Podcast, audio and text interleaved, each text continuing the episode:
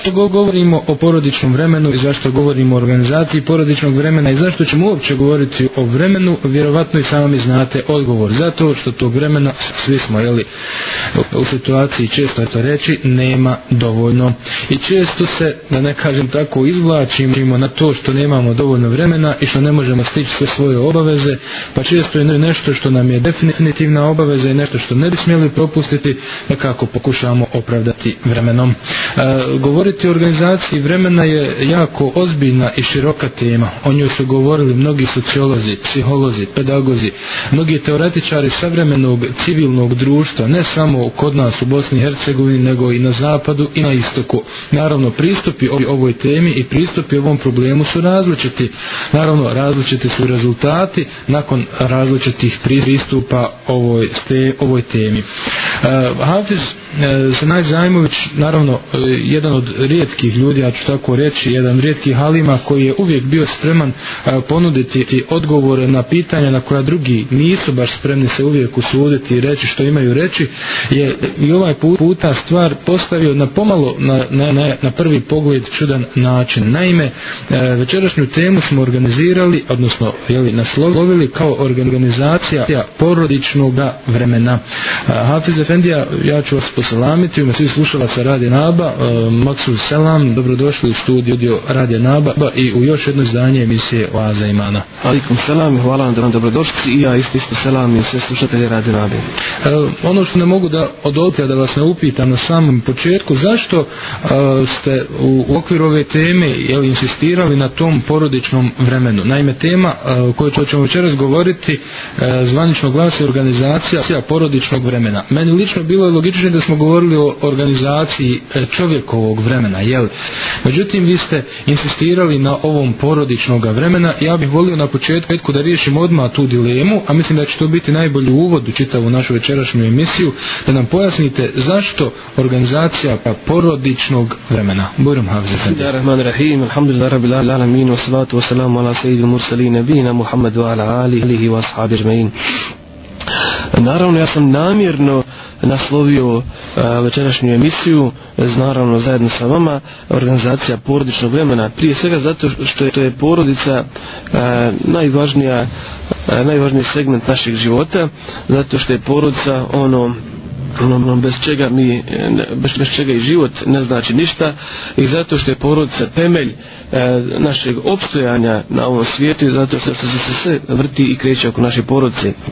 Kada govorimo o porodičnom vremenu, onda mislimo na sve one predivne trenutke provedene u razgovoru sa suprugom, sa djecom, na zajednički rad u kućnim poslovima, igra sa djecom, dijeljenje, brige i tuge, radosti i veselje i tako dalje. A ne samo na fizičko prisustvo ili službeni odnos bračnih dugova kao što je to nažalost prisutno kod mnogih bračnih e, parova, Cilj nam je ovom emisijom večeras ako Bog da pomoći članovima porodice u organizaciji vremena kako bi što više bili zajedno i kako bi na najbolji bolji mogući način ostvarili porodičnu sreću. I to je otprilike jedan, a, to je glavni razlog zašto smo naslovili emisiju ovako, ovako kako smo smo nas naslovili. Dobro, govoriti o porodičnom vremenu izgleda zaista jeste najveći prioritet jer u stvari čitav insanski život, čitav ljudski život se stvari oslanja na njegovu porodicu bez obzira obzira bio oženjen ili neoženjen, živio sa svojim roditeljima ili sa ili svojim suprugom i djecom, u suštini mu se sve opet odvija, odnosno vrti oko tog porodičnog vremena, jer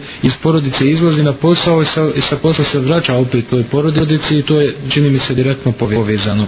Međutim, nakon što smo, eto da kažem, riješili jednu malu dilemu na početku oko samog naslova i naziva ove teme, bilo bi dobro da nas uh, e, Hafez Efendija uvedete direktno u temu s time što ćete nam pojasniti neke stvari stvari koje su, ko, o kojima islam govori, o kojima ste vi pripremili nešto što reči a, o vremenu općenito. Znači, e, šta je to što bi mogli definisati kao vrijeme i kako to uklopiti jedan ljudski život? Vrijeme općenito. Šta i kako?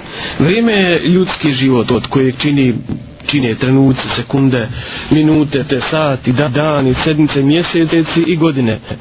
Ljudsko srce svakodnevno svojim, svojim otkucajima potvrđuje činjenicu da život čine trenuci. Svaki naš otkucaj u stvari je već jedan, e, jedan trenutak iz naše prošlosti. E, kažu ljudi da vrijeme je skuplje od novca možda je ovo nekad bilo i možda još uvijek važi kao pravilo ali samo kod nekih ljudi ljudi su devalvirali značaj i vrijednost vremena dokad za mnoge vrijeme ne predstavlja bogatstvo i vrijednost jeste činjenica da provaskom sa jednog kraja grada na drugi nećemo naći ni jednu izgubljenu marku ali ćemo zato naći stotine mladinaca i djevojaka koji besposleni sjede u kafićima ili se se doslađuju šetnjom ulicama nemileći, nemilice trošeći svoje vrijeme dakle da je vrijeme za zaista skuplji od novca, Srbi ulice upo bila dana bile pusti jer bi njihovi, njihovi žitelji bili, bili zauzeti iskoristavanjem vremena. To, to nam govori da je novca nema i ne možemo ga naći, kamo sreće da se može naći na, na ulicama, pogotovo u ovoj besparici. E, govori nam o tome da zaista vrijeme, vrijeme je devalvirano od strane nas sami. Za naše slavne prethodnike Vrijeme ime je zaista bilo skuplje od novca. Hasan el Basri kaže da su oni više pazili na sve vrijeme nego što su pazili i čuvali dinare i dirheme. Za razliku od nas, A Ibni Mesud bi govorio, ni za čim više ne žalim kao za danom u kome sunce zađe, u kome se za jedan dan smanji moj život, a ne poveća moje djelo. Neki od naših prijateljnika nisu htjeli jesti star hljeb jer bi im on prilikom varenja oduzimao mnogo vremena, a za isto to vrijeme mogli bi da prouče 50 ajete za Allahove knjige. Naravno mi ćemo danas kazati da je ovo preuveličavanje. Takav je bio slučaj Davuda je taj, a znači slučaj je istinite. Koliko god traje ovo naš život, on je relativno kratak u odnosu na Ahiret, gdje će samo čekanje presuđenje trajati 50.000 godina, a ljudi će stajati na vrelini sunca goli kao od majke rođene. Kada bi čovjekov život trajao i 100 godina i 200 godina, šta je to u odnosu na 50.000 godina? On nam govori da je naš život relativno kratak. E. O kratkoći Dunjaluka govori hadis poslanika sallallahu alaihi wa sallam kada kaže primjer mene i dužine Dunjaluka je kao primjer konjanika koji je sišao sa konja, odmorio se u hladovini drveta, a zatim nastavio put. Podmor konjanika u hladovini drveta je simbol trajanja Dunjaluka. O važnosti vremena najbolje govori uzvišeni Allah Žešanu kada kaže u suri, kada se klete u suri Asr vremenom, što samo po sebi govori o njegovoj važnosti. Indikativno je da se uzvišeni gospodar klete stvarima koje želi istaknuti i koje za život čovjeka predstavlja i posebnu vrijednost. Mnogi ajati, hadisi, kao i gornje spomenute predaje ashaba, naglašavaju kratkoću vremena, brzinu njegova proska, kao i nužnost da se svaki dan iskoristim. Imajući u vidu te činjenice, odlučio sam večeras u emisiji progovoriti u jednom važnom segmentu vremena, to jeste u organizaciji porodičnog vremena, u kome smo ruku na srce mnogi posrnuli. Korist od emisije imaće svi oni koji osjećaju da je u organizaciji njihova vremena nastao nered i opći poremećaj. Oni koji primećuju da im je mnogo vremena prošlo uzalud i bez ikakve koristi. Oni koji su uvijek pod navodicima zauzeti i koji osjećaju da ne mogu upravljati svojim vremenom no. Ova emisija ima za cilj slušatelju pomoći kako pravilno rasporediti svoje vrijeme i kako iskoristiti svaku minutu i svaki sat. Zatim kako do perfekcije isprogramirati svoje slobodno vrijeme i u tom smislu naći dovoljno vremena za sebe i svoju familiju. Vrlo često to bračni drugovi se žale kako su muževi ili supruge odsutni, iako su fizički ili emotivno sa svojim, svojim porodicama. Čovjek može biti istaknuti menadžer u društvu, a da mu u privatnom životu vlada da ne redi opći haos priznati menadžer, priznaćete dragi slušatelje, je onaj čovjek koji je uspio organizovati svoj porodični život zaista lijep uvod u temu o kojoj ćemo sigurno govoriti e, konkretnije i malo, malo duže jel, jel, jel, u čitavom ovom kontekstu e, priče o vremenu uopšte, a pogotovo tog specijalnog osvrta na porodično vrijeme. E, Hafiz Efendija svi se žali, ja sam malo u uvodu to spominuo, svi se žali na vrijeme i svi se uporno žali na vrijeme i kada god imaju neki problem, kada ne mogu da stignu, obično kažu da je problem zbog nedostatka vremena. E, jako rijetko čujemo druge izgovore jako rijetko čujemo da, da čovjek kaže ja sam prespo pa nisam nešto uradio ili e, nisam dobro procijenio svoj odlazak do Sarajevo i vratio se nazad i slične stvari, slične stvari. Nisam predvidio možda jel, jel, e, saobraćaju nesreću na putu, radove na putu, putu i tako dalje. Ali u suštini e, obično kažu nisam stigo, nije bilo vremena, izgubilo se više tu bereketa, nisam stigo i tako dalje i tako dalje. E, e, niste vjerovatno obra, obrazlažujući, pišući razmišljajući na ovu temu, pripremajući za ovu emisiju, sigurno jako mnogo analizirali upravo takve sve stavove. Većine nas, zašto ne reći sad, nećemo uopšte deliti ljude na vjernike, nevjernike koji koriste za izgovor, čini mi se da ih ima i sa jedne i sa druge strane. Ne. Zašto Hafze Fendija se većina nas, odnosno svi mi želimo na vrijeme? Kako je to moguće i je li to stvarno najljepši izgovor? Zašto se svi želimo na vrijeme? Najvjerojatnije tražimo dežurnu krivca kao i u svemu drugome. Kad upitamo braće drugove zašto je drugi medijima ne posvijete malo više vremena. E, obavezno odgovore, nemamo vremena, mi smo zauzili 24 sata. Kada pitate prijatelja zašto ga već duže vremena nema u posjeti, za, zašto ga niste vidjeli, kazat će vam da nema vremena i da ne može stići u rati posao koji je obavezan, pa kako da nađe vremena za, za posjetu. Radnik se žali kako nije stigao odraditi posao jer nije imao vremena. Student također pravda svoj svoj neuspjeh na fakultetu na nedostatkom vremena. I svi se žale na vrijeme, a vrijeme je najmanje krivo. Spravo se nameće pitanje da li je problem u vremenu ili u našem rasporedu vremena. Ima mnogo ljudi koji se žale da su 24 sata zauzeti i mi, i mi takve ljude zovemo stalno zauzeti ljudi.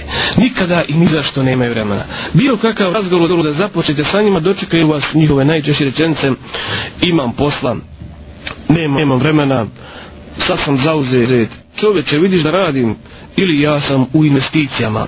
Dojma mi se kao veoma poslovni stan zauzet. Trče za zadnjalkom i dan i noć. Brak je kod njih usputan ili se podrazumijevam vrijeme ne troše na porodici jer smatraju da su dovoljno učinili samim tim što su je zasnovali. Vjernost porodice je osigurana te se ne treba truditi i dodatno vrijeme trošiti na nešto što već samo poslije funkcioniše. Sva energija i vrijeme se usmjeravaju i troši na druge stvari koje mogu biti, biti i manje bitne. Veliki broj brakova se održava kazat ćemo vještačkim aparatom, aparatima za održavanje života. Spravo se sada postavlja jedno drugo pitanje, a šta je, šta je to naša najveća investicija u životu? Da li i metak ili porodca? Ulagati samo u posao a ne i u porodcu je garant gubitka porodice. E, u jedno ulagati, u drugo ne ulagati je znači zapostavljati namjerno jedno od tih stvari što znači pustiti je da propadne. Biljka koja se ne zalijeva ubrzo ugine, tako i naša porodica. Jedan od prvih indikatora problema u braku jeste nedostatak komunikacije među bračnim drugovima. Ako se od porodice e, zbog dunjaluka osutan 10 godina, zar očekuješ da se prema tebi odnose kao prema onoma koje je stalno bio uz njih? naprotiv bit ćeš dočekan kao najveći stranac kada spominjemo vrijeme i kada stvar postavimo e, na ovaj način i kada je, da tako kažem otvoreno govorimo o vremenu možda ne bi bilo loše i to samo vrijeme postaviti u neku, ne, neke karakteristične detalje iz tog vremena i izvući. Odnosno, mogu ili moguće odrijeti karakteristike vremena. Jel, za, za svaku stvar, za svaku pojavu, za svaki proces u društvu koji nam se događa, mi imamo, jel, spremni smo odrijeti određene karakteristike i kažemo karakteristično je to ili karakteristika tog procesa su takve i takve. A, da li je iko ikad pokušao a, e, potražiti, naći, definisati i napisati, pobrojati te karakteristike karakteristike vremena, e, da li one uopšte postoji i šta nam vi o tome možete reći? Interesantno da je vrijeme e, resurs koji najviše koristimo, 24 sata koristimo vrijeme, a najmanje o svom vremenu razmišljamo. Interesantno je da o vremenu nemate nešto posebno, nemate plaho nešto ni pročitati u našim ni medijima, niti knjigama. Uglavnom se e, o vremenu piše u filozofskim raspravama u knjigama stručne literature veoma rijetko ćete naći u, u knjigama koje govore o našem svakodnevnom životu ili pogotovo o dnevnoj štampi koja bi dnevno trebala da potre, tre, e, prati potrebe naše ljudske e, i hajmo ovo večeras zajedno malo razmišljati o vremenu to vrijeme je tu, ono, ono neće pobjeći, ono je, evo e, i sad govorimo te, već koristimo vrijeme, i ovo samo prišlo na neko vrijeme. E, ajmo navesti neke karakteristike, pa da, ako bo da ovih dana razmišljamo o njima. I jedna od prvih karakteristika jeste da je vrijeme stabilno i precizno ljudi postavili pitanje da li vrijeme brzo ili sporo i nekoga tako i e, kvalifikuje kao veoma brzim, a neko kao veoma sporim. E, jedan čovjek kaže vrijeme je sporo prolazilo dok mi se žena porađalo. Minute čekanja u holu bolnice učinila mi se dužom od godine dana. Ovaka je izjava, iako često u različitim prilikama, ne znači da je vrijeme zaista sporo, kao što izjava čovjeka koji ocenjuje svoje vrijeme provedeno na ljetnom odboru bržim od metmetka, ne znači da je vrijeme zaista brzo. Tačno je da je vrijeme stabilno i precizno. Nekada se čovjeku čini da je ono sporo, Isto kao što, što mu se nekada učini da je brzo. Kada gledamo interesantan film, sat nam prođe kao minuta. Kada očekujemo voljenog, sat nam se učini dužim od godine dana. Čovjekova psiha, ona je ta koja čini vrijeme brzim ili sporijim, a, a ono je u stvari e, stabilno i veoma, veoma precizno. E, to je jedna od karakteristika vremena. Druga karakteristika vremena jeste da je ono pravedno. Minuta jednog čovjeka je iste dužine kao i minuta svih ljudi na zemaljskoj kugli.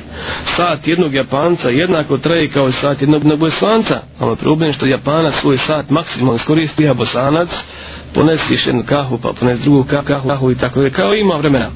Jedan sat u 21. stoljeću je iste dužine kao i sat u vrijeme Nuha, alaihi salama, ili Muhammada, alaihi salam. Zatim treća odlika vremena jeste da je vrijeme najskupljiji resurs. Skupljiji od bi bilo koje vrste blaga. Vrijeme stvari predstavlja život od čovjeka. On može živjeti bez zlata, može živjeti bez nakirkita, može živjeti bez svi drugih vrstata što ih zovemo blagom, ali ne, ne može bez vremena. To je dokaz da je vrijeme zaista najskupljiji resurs u život čovjeka. Zatim vrijeme, sljedeća odlika vremena jeste da se ne može vratiti izgubljeno vrijeme više ne možemo nadoknuti. Imam Šafija rekao, vrijeme je kao sablja. Ako ti njega ne budeš sjekao, ono će tebe. Ako ga ne iskoristiš u dobro, iskoristit ćeš ga u, u zlo, sigurno. E, godine, mjeseci, dani, sati, minute i sekunde su nepovratni. Ne mogu vratiti sekundu u kojoj sam malo prije izgovorio rečenicu. U svakoj sekundi prema najnovijoj statistici u svijetu umre 86 osoba da kažem jedan, to znači već sada je umrlo 86 osoba. Isto kao što ne možemo vratiti te osobe, tako nam ne možemo vratiti ni sekundu u kojoj su oni napustili ovaj svijet. Interesantan je jedan dijalog čovjeka koji je zamislio se za i pokušao voditi dijalog sa svojim jednim izgubljenim trenutkom. Razmišljao o sebi, o svojoj poruci. Inače je zbog svojih obaveza mnogo zauzet, poslovan čovjek i veoma malo vremena provodi sa svojom porucom, skoro da ih ne viđa. Razmišljao je o vremenu koje je smatrao izgubljenim, zbog toga se duboko kajao. Razmišljajući tako, prizovo je jedan od svojih izgubljenih trenutaka u životu i sa njim po ovo sljedeći dijalog. Želim da mi se vratiš, da te iskoristim u dobrom, vrijeme ne stoji reče mu trenutak molim te vrati mi se da, te, da, te, da se okoristim tobom i da nadokradim izgubljenom kako da ti se vratim kad su me prekrile stranice tvojih dijela znači, već si ti učinio mnogo drugih dijela ja, ja sam sada e, dole negdje između stranica tvojih dijela znači knjiga je već ogromna učini nemoguće i vrati mi se koliko sam samo trenutaka izgubio posle tebe da je u mojim rukama ja bih ti se vratio. Onaj koga sada ti dozivaš nema moći. Knjige tvojih dijela su sabrane i uzdignute uzvišenom Allahom. Kako je nemoguće da mi se vratiš, a moguće da razgovaraš sa mnom? Trenuci u životu su ili prisni prijatelji koji svedoče u korist svoga vlasnika ili mrski neprijatelji koji svedoče protiv njega. Ja sam od tvojih neprijatelja koji će na sudnjem danu se dočiti protiv tebe. Teško se meni koliko sam trenutaka u životu propustio, ali molim te vrati mi se makar da ti se, e, makar ti da se okoristim tobom i da te skoristim tim u dobro. Trenutak je ušutio. Zar me ne čuješ odgovor? Odgovori mi. Trenutak se vrati i reče mu, O ti koji, koji si neprepravedan prema sebi, o ti, ti koji gubiš vrijeme, ti koji zakidaš aš naš na pravima svoje žene i djece, zar ne, zar ne shvataš da si ti sada zbog pokušaja da vratiš jedan trenutak svoga života izgubio mnogo drugih trenutaka? U razgovoru sa, sa mnom si ti provao nekoliko trenutaka i njih si izgubio. I mene si izgubio, hoćeš li i njih pokušavati vratiti kao što si i mene pokušao? Ovo je veoma lijep dijalog između onoga koji trati vrijeme jednog njegovog životnog trenutka. On nam govori da je vrijeme nepovratno i neponovljivo. Greške iz, iz prošlog vremena možemo ispraviti jedino iskrenom teubom, kajanjem i traženjem oprosta od uzvišenog Allaha Zašanovom. Peta karakteristika vremena jeste ta da se vrijeme ne može kupiti niti se može uzajmiti. U jednom aforizmu se kaže vrijeme se ne kupuje novcem. Mnogi bi kada bi se moglo kupili vremena isto kao što bi oni drugi kada bi se moglo prodali sve vrijeme i tako stekli potreba novac. Pa jedan čovjek običaj da kaže, kaže da mi je Bog da mi ovaj dan traje 30, makar 30 sati. Dok imamo drugi ljudi koji kažu, vala, kad će ovaj dan proći. Znači, jedni bi prodali, voljali bi kad bi mogli prodati sve vrijeme, drugi bi voljali kada bi mogli da ga kupim. Znači, nemoguće je kupiti, a nemoguće ga ga ni uzajmiti. Šesta karakteristika vremena je da se vrijeme ne može uštedjeti. Potrošiti danas 22 sata i uštedjeti 2 sata, pa i, pa i sutra dodati na, on, na onih 24 sata i na taj način steći 26 sati je nemoguće. Mi imamo na raspolaganju 24 sata. Oni se nude jednom u toku dana i nepovratno odlaze. Ukoliko smo iskoristili samo 22 od 24 sata, naša je nesreća. Dakle, vrijeme je uvijek isto nepromjenjivo je do sudnjeg dana. Ne možemo ga kupiti niti prodati. Ne možemo ga ni uštediti, ali ni povratiti. Ono je jednostavno pravedno i svi ga imaju podjednako. Ono se može pravilno rasporediti tako da ga bude dovoljno za sve ljudske aktivnosti i za sve ljudske potrebe. E dobro, kada već znamo šta je to vrijeme i kada evo, nabroja smo karakteristike vremena, Iako znamo da će svi reći da je malo vremena, e, ne bi onda bilo pametno odrediti prioritete u čovjekovom životu i recimo u, u okviru tih prioriteta izabrati ta dobra djela da ne, ne bismo bili od onih koji se kaju i koji sutra traže jeli, dodatni saha dva da bi uradili makar jedan trun dobra uh, Hafiz Efendija šta je to što bi trebao što bi bilo najbolje raditi u vremenu koje imamo znači imamo 24 sahata ni sahat manje ni sahat više, više svaki dan šta je to što bi trebalo najbolje raditi kako bi, bi u ovom se kažemo kratkom vremenu izvukli ipak maksimum znači ne trošiti ga uzalud, raditi dobra djela. Ali šta je to? Šta bi to što bi trebalo podvući u oazi imana kao e, najbolja stvar koju treba treba raditi kako bi vrijeme bilo kvalitetno iskorišteno? Da, to vam je, vam je pitanje jako, jako dobro. Život je, evo ovaj koji mi živimo, relativno brz i veoma dinamičan za svoga kratkog života čovjek ne može sve stići u raditi zbog toga je e, nužno da odredi svoje prioritete. Čemu dati prednost i kako odrediti prioritete? Treba imati na umu da će nas uzvišnji Allah samo pitati za svaku minutu i dobro bi bilo da sebi e, e, zapišemo i u, u sobi u kojoj boravimo i u kojoj spavamo da zap, e, zapišemo hadis poslanika ali se na to stranu kome on kaže čovjek se neće pomaknuti na sudnjem danu dok ne bude pitan o četiri stvari u životu i u šta ga je proveo on, o znanju i je li po njemu uradio, o imetku kako ga je stekao i u što ga je potrošio i mladosti u što mu je prošla. Interesantno je i veoma indikativno ovdje jeste da e, jeste činjenica su dva pitanja ili 50% u njih u ovom hadisu vezano za vrijeme, što nam govori da je e, govori nam o važnosti vremena kao i, i o samim pitanjima koja će biti postavljena. Znači, prvo pitanje jeste da ćemo biti pitani o životu i u što smo ga provali, znači o vremenu koje nam je bilo dato na raspolaganje. I drugo pitanje jeste o mladosti i ušto nam je prošla posebno o mladosti. Pošto je veoma malo vremena u životu čovjeka, nužno je napraviti znači prioritete u svom životu i raditi samo ona najbolja djela. Nema među nama čovjeka koji E, koji može stići uh, uraditi raditi sve ono što što zamišlja o čemu razmišlja i sve što želi zbog toga treba da radi samo ono e, što, što smatra najboljim Ibnul Džavzi je posvetio čitavo poglavlje svoje knjige pitanju koje je djelo najbolje Odredio je četiri pravila na osnovu kojih možemo prosuditi koje je djelo najbolje čim tinti. Prvo pravilo kaže najbolja djela s obzirom na vrijeme, zatim najbolja djela s obzirom na prostor, najbolja djela s obzirom na ljude i najbolja djela s obzirom na trenutno stanje. Uh, u prvom pravilu, u prvoj vrsti on kaže uh, znači u djelima, najboljim djelima uh, s obzirom na vrijeme, on kaže da poštivanjem određenih vremenskih perioda i činjenjem dijela u njima mi u stvari činimo najbolja dijela u datom momentu. Znači, radimo preporuka, radimo i činimo uh, ono dijelo koje je u datom momentu najbolje.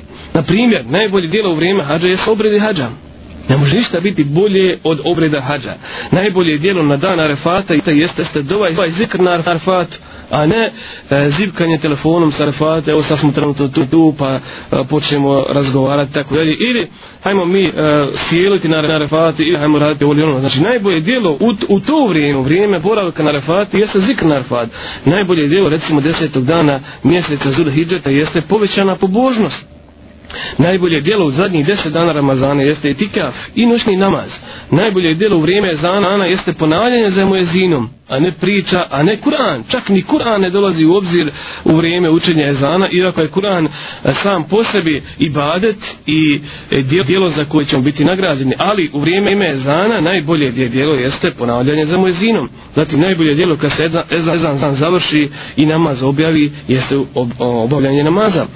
Dakle, najbolje djelo s obzirom na vrijeme jeste e, uraditi dijelo u, u, u dato to momentu e, koje je predviđeno za to vrijeme.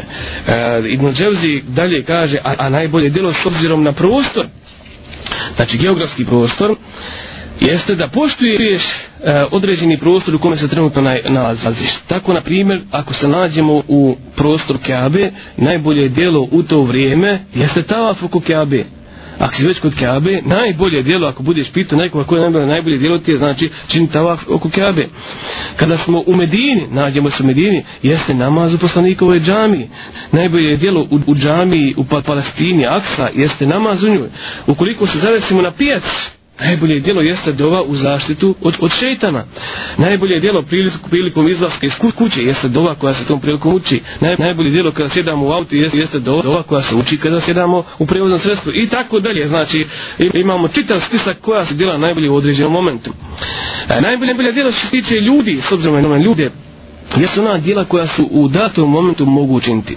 Recimo, sadaka je najbolja, najbolja u slučaju kada imamo dovoljno imetka, a postoje ljudi koji trebaju naš imetak. Znači, bogatom najbolje djelo jeste dati siromašnom. Bogatom najbolje djelo jeste e, pomoći neki projekt. Evo, mi sada upravo, ja ne mogu da ga ne spomenem, vodimo akciju prema džačkog doma u našoj medresi i dakle, najbolje djelo svima onima e, koji o, hoće da, se, da obezbede sebi na hiratu nagradu i da pošalju na ahiretski konto jeste da, da pomognu ovaj projekat. Ukoliko posjedimo veliko znanje, najbolje dijelo jeste podučiti onoga koji nema znanja. Ako smo vladare ili predstavljamo vlast, najbolje dijelo u tom slučaju jeste pomoći, pomoć i rad na dobro ljudi. I četvrta četvrto pravilo, četvrta podjela najboljih dijela, Ibn Dževzi kaže da su to dijela s obzirom na trenutno stanje u kojem se čovjek nalazi. Kaže, ukoliko je čovjek u stanju džunupluka, jeli, nečist je, najbolje dijelo u tom momentu jeste kupanje. Ukoliko je čovjek putnik, najbolje dijelo u tom slučaju jeste skraćivanje namaza. Najbolje dijelo kada čovjek stupa sa suprugom u intimni odnos u to vrijeme na tom mjestu jeste dova koja se uči u zaštitu ploda od šetana. Na kraju svog poglavlja Ibn Džerzi postavlja pitanje i odgovara na njega. Šta je bolje, kaže, hljeb ili voda? Mi ćemo se podijeliti, neko će kazati najbolje je hljeb, drugi će kazati najbolje je voda, jer ne možeš bez vode živjeti bez hljeba i nekako možeš. I on od, odgovara, kaže, voda je najbolja žednom, a hljeb je najbolji gladnom. Znači, ovisi u kakvom smo stanju, ovisi šta nam trenutno treba, ovisi u kom smo vremenom. Dakle, u određivanju koje je dijelo bolje u datom momentu, presudna je trenutna situacija ili moment u kome se nalazimo. U vrijeme zana ne mojmo raditi nešto drugo mimo onoga što je propisao poslanik sallallahu alejhi ve sellem. Kada smo haram u Kabe ne mojmo voditi jalove rasprave. Kada imamo i metka ne mojmo ga rasipati u provodi ne mora da sadako i zekat. Ako smo na vlasti ne mojmo se oholiti i, i umištati već pomozimo onima koji su nam pomogli da dođemo na položaj. Ako smo u stanju dženabeta ne mojmo takvi izlaziti iz kuće već se okupajmo i tako dalje. Znači a, poruka je nakon ovoga što sam sad iznio i onih karakteristika vremena, razmišljamo malo o vremenu i pokušajmo ga prvo u svojim mislima, u svojoj glavi rasporediti pravilno i pokušajmo na osnovu ovoga što sam malo priznio odrediti koje je dijelo u određenoj staciji i određenom vremenu najbolje. Iako sve ovo znamo i ako bi bilo, bilo bi dobro da sve ovo primjenimo ili bar nešto od ovoga, često vidimo ili često smo svjedoci da se vrijeme gubi. Gubljenje vremena je svakodnevna pojava pojava ili možda još bolje rečeno aktivnost svakoga od nas. Koji, koji su to Hafiz Efendija najevidentniji uzroci gubljenja vremena? Mi kažemo izgubio sam danas čitav dan ili ovaj čovjek gubi jako mnogo vremena na besposlicu. Kažemo to onako više pod navodnim znacima. Nikada možda e, ne uđemo u samu, samu bit tog gubljenja vremena. Zaista šta su to najveći uzroci gubljenja vremena današnjeg savremenog čovjeka?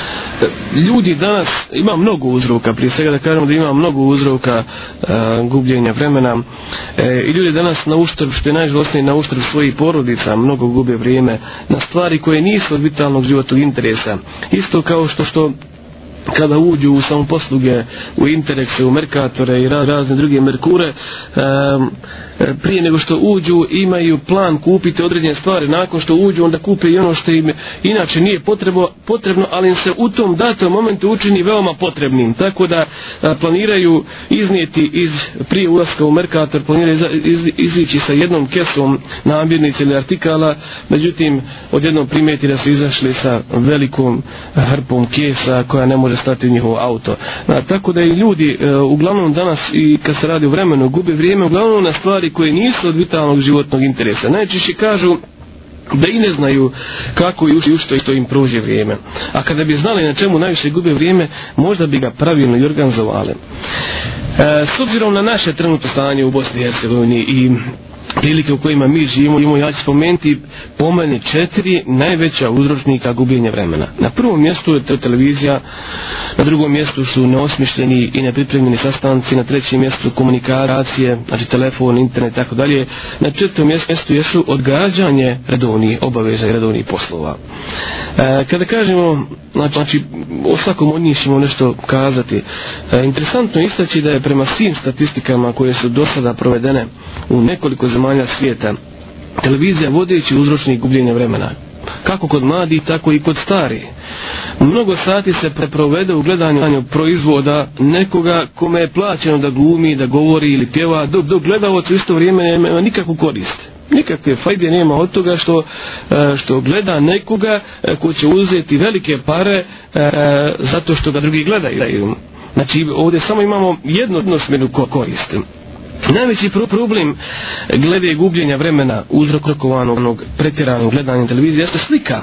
Slika je ta koja nas zadržava, posebno ako je privlačna i zanimljiva i ako je zaintrigira našu pažnju. Ona je ta koja nam određene misle čini ili ne čini interesantnom. Ona je ta koja nas bukvalno veže za fotelju ili stolicu na kojima provedemo sate i sate dragocijenog vremena. Ljudi znaju kazati kada, kada ga pozoveš na silu dođi mi odma spika će vam kazati nemam vremena ja da ti dođem na silu znaš.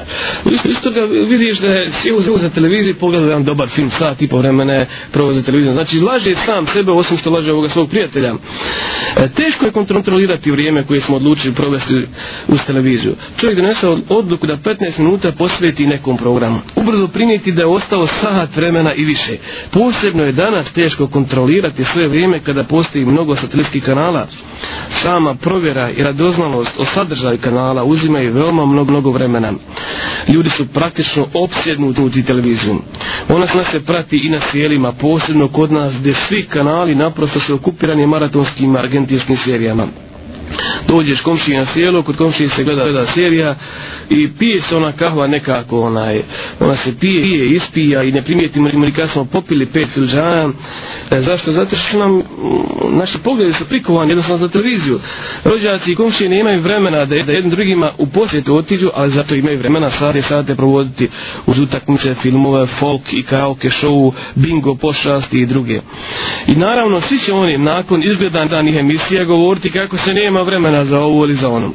Supruga ga se žali kako već dugo vremena nije vodila normalan razgovor sa svojim mužem, iako on redovno nakon posla u društvu s njom. On je tu, On je fizički prisutan, ali je duhovno odsutan, a njegov pogled je u vrijeme razgovora prikovan za titlove na TV ekranima.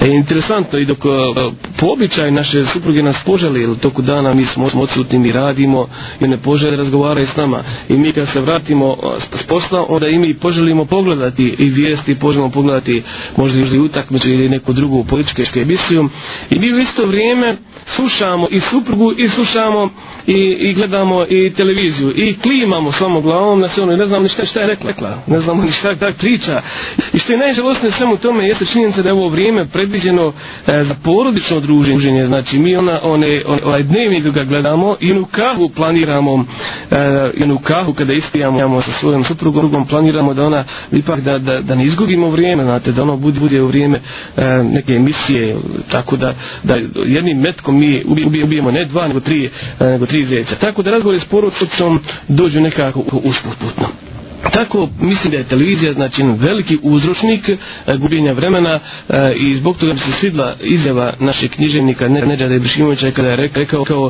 a, da on ima u kući jednog najvećih dušmanina kada su ga pitali ko je ta dušmanin on je koji stopa izgovorio da je to televizija e, sljedeći uzročnik gubljenja vremena na uštrb opet porodice jesu dugotranje sastanci e, Danas najpoznatiji vrsti sastanaka su poslovni, porodični, prijateljski, rodbinski, omladinski i mnogi drugi. Svaki od ovih sastanaka, ukoliko nije dobro osmišljen i unapred pripremljen i planiran, može biti uzrokom gubljenja dragocenog vremena. Svima je jasno da se nigdje više ne sastanči kao kod nas u Bosni.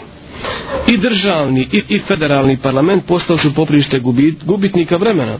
Direktor u svojoj firmi dolazi nesprema na sastanak i kao da od radnika očekuje da oni pogađaju njegove namere. Obično su firme koje vode ovakvi direktor pred stečajem ili su već propale. Ukoliko i muđi žena ne znaju raspravljati o problemu koji se među, među njih postavi i ukoliko ne znaju voditi sastanak na kome se odlučuje o bitnim poručnim problemima, ne samo da će izgubiti mnogo vremena, da će uzalud potrešno vrijeme ima možda biti i uzrokom porodične svađe. Dakle, ukoliko sastanak svejedno koje je prirode rode bio, bio nije osmišljen i dobro prvo pripremljen, izgubit će se mnogo vremena. Maratonski sastanci i dugo osvijesto muža ili žene ne, mogu biti uzrokom razvoda braka.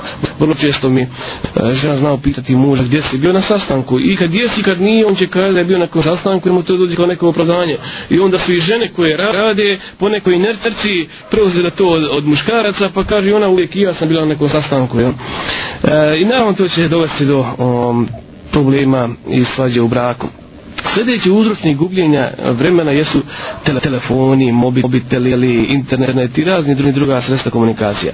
Braći drugovi svoje komunikacije su sveli na minimum. A kada ih neko drugi nazove na telefon, spremni su sa svojim prijateljem ili prijateljicom pričati i sahat vremena o nebitnim stvarima. Današnje vrijeme je vrijeme savremeni, moderni, brzi komunikacije. Kažu, sve je ubrzano i u čovjeku u korist olakšano. Navodno, čovjek putem savremenih sastava komunikacija može obaviti mnogo više i brže nego je to mogao prije 10 10 godina. Istina je da su mogućnosti veće nego ranije, ali je tu cijenu čovjek skupo platio, postao rob tehnike. Umjesto da nas približe i olakšaju nam kontakt, sredstvan komuniciranja su nas još više udaljila jedne od drugih. I umjesto da nam olakšaju, da nas približe i rođake, i braće, drugove, i, i prijatelje, oni nas još više udaljavaju. Bliski rođaci se oslanjaju na mjesečni kontakt telefonom ili pisanje SMS poruka, umjesto da jednim drugima otiđu posjetu. Komunikacija je praktično svegledena na minimum. Danas nas naši prvi susjeri kritikuju kako se od, odavno nismo čuli, kako se nismo vidjeli, kako nismo sjeli i popili pili kahom. Jedan od najvećih uzroka gubljenja vremena jeste nekontrol jednostavno kao korištenje telefona. Nekada nam razgovor za koji inače potrebno minut vremena uzme čitav sahat vremena. Interesanto, pogotovo nakon pojave ovi mobitela i SMS poruka. Osim što gubimo vrijeme e, na pisanje poruka i na razgovore, e, dovodimo sebe u jednu situaciju da, da e, gubimo i na svom jeziku, siromašimo na taj način i jezik koji inače ruku na srce slabo poznajemo. Thank you. I sljedeći udručnik po meni, najveći, četvrti, zadnji po meni, među najvećim udručnicima jeste, jeste odrađanje redovnih poslova i obaveza. A on je jedan od glavnih udručnika.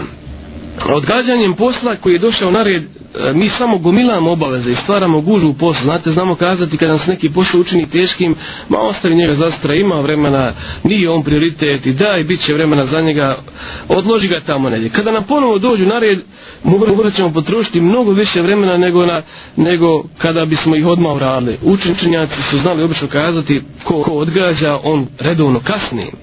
Zbog čega ljudi, ljudi e, odgađaju? Uglavnom zbog toga što misle da su date u momentu određeni poslije teški, a oni tada nisu raspoloženi za njih, pa ih odgode za kasnije. Kada dođe ono u kasnije nared, ni tada neće biti raspoloženi za rad. Najopasnije odgađanje porodičnih obaveza. Sve druge stvari se i nekako mogu nadoknati, mogu se možda i tolerisati, ali ako porodične obaveze i probleme budemo odgađali, oni će se veoma loše odraziti po bračnu vesu. Ibnul Dževzi kaže odgađanje i blisovo oružje. Po prirodi čovjek teže poslove odgađa i ostavlja za kraj, a prvo odrađuje on je lakše, a sa suprotno je ispravnije. I upravo tu se i prevari. U ponedjeljak recimo uradimo lahke stvari, a ostavimo teške za utorak. Obično kažemo, ma može to i sutra. Kad dođe drugi dan, dođe onaj utrak, opet pet teže stvari ostavljamo za naredni dan. Samo što smo, smo sada dva teška posla ostavili za srijedu. Više nije jedan. I tako nas se nagomilaju i poslovi. I mi znamo u našim kancelarijama vidjeti hrpu papira, kada tu su sve projekte, to sve poslovi.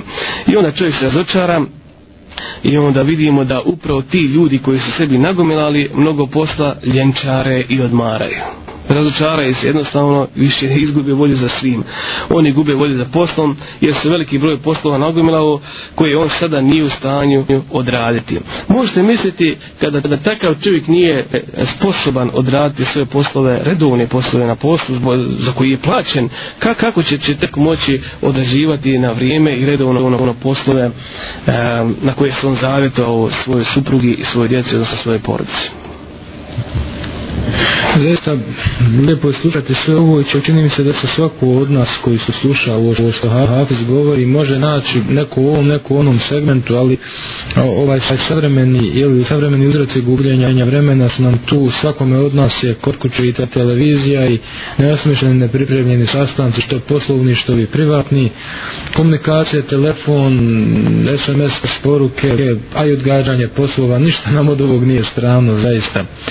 E, dobro, ako, ako već, već znamo koje su karakteristike vremena, znamo šta je to lijepo raditi kako bi vreme bilo hajrli potrošeno, i eto ako smo već, već evidentirali te uzroke gubljenja vremena, Kako bi onda mi Hazi Efendija trebali organizovati sebi vrijeme u 24 sati? Rekli ste nema ni 25, ni 26, 24 svaki dan, svaki novi, novi dan, kako kažu, nova nafaka. E sad, kako čovjek da sebe organizira? Moguće da svi ljudi imaju istu sposobnost da sebe organizuju 24 sata. Da ste pravili neke analize, odnosno imate li neki recept po kom bi, evo, slušatelj koji sluša program Radio Naba od sutra krenuo da organizira, da, da kaže, jest, uvidio sam sve ove probleme i neke od tih mahana i kod sebe i hoću da sada stvar postavim kako treba. Kako će on to uraditi? Kako da on sad organizuje 24 sata? Evo hoće, ali kako?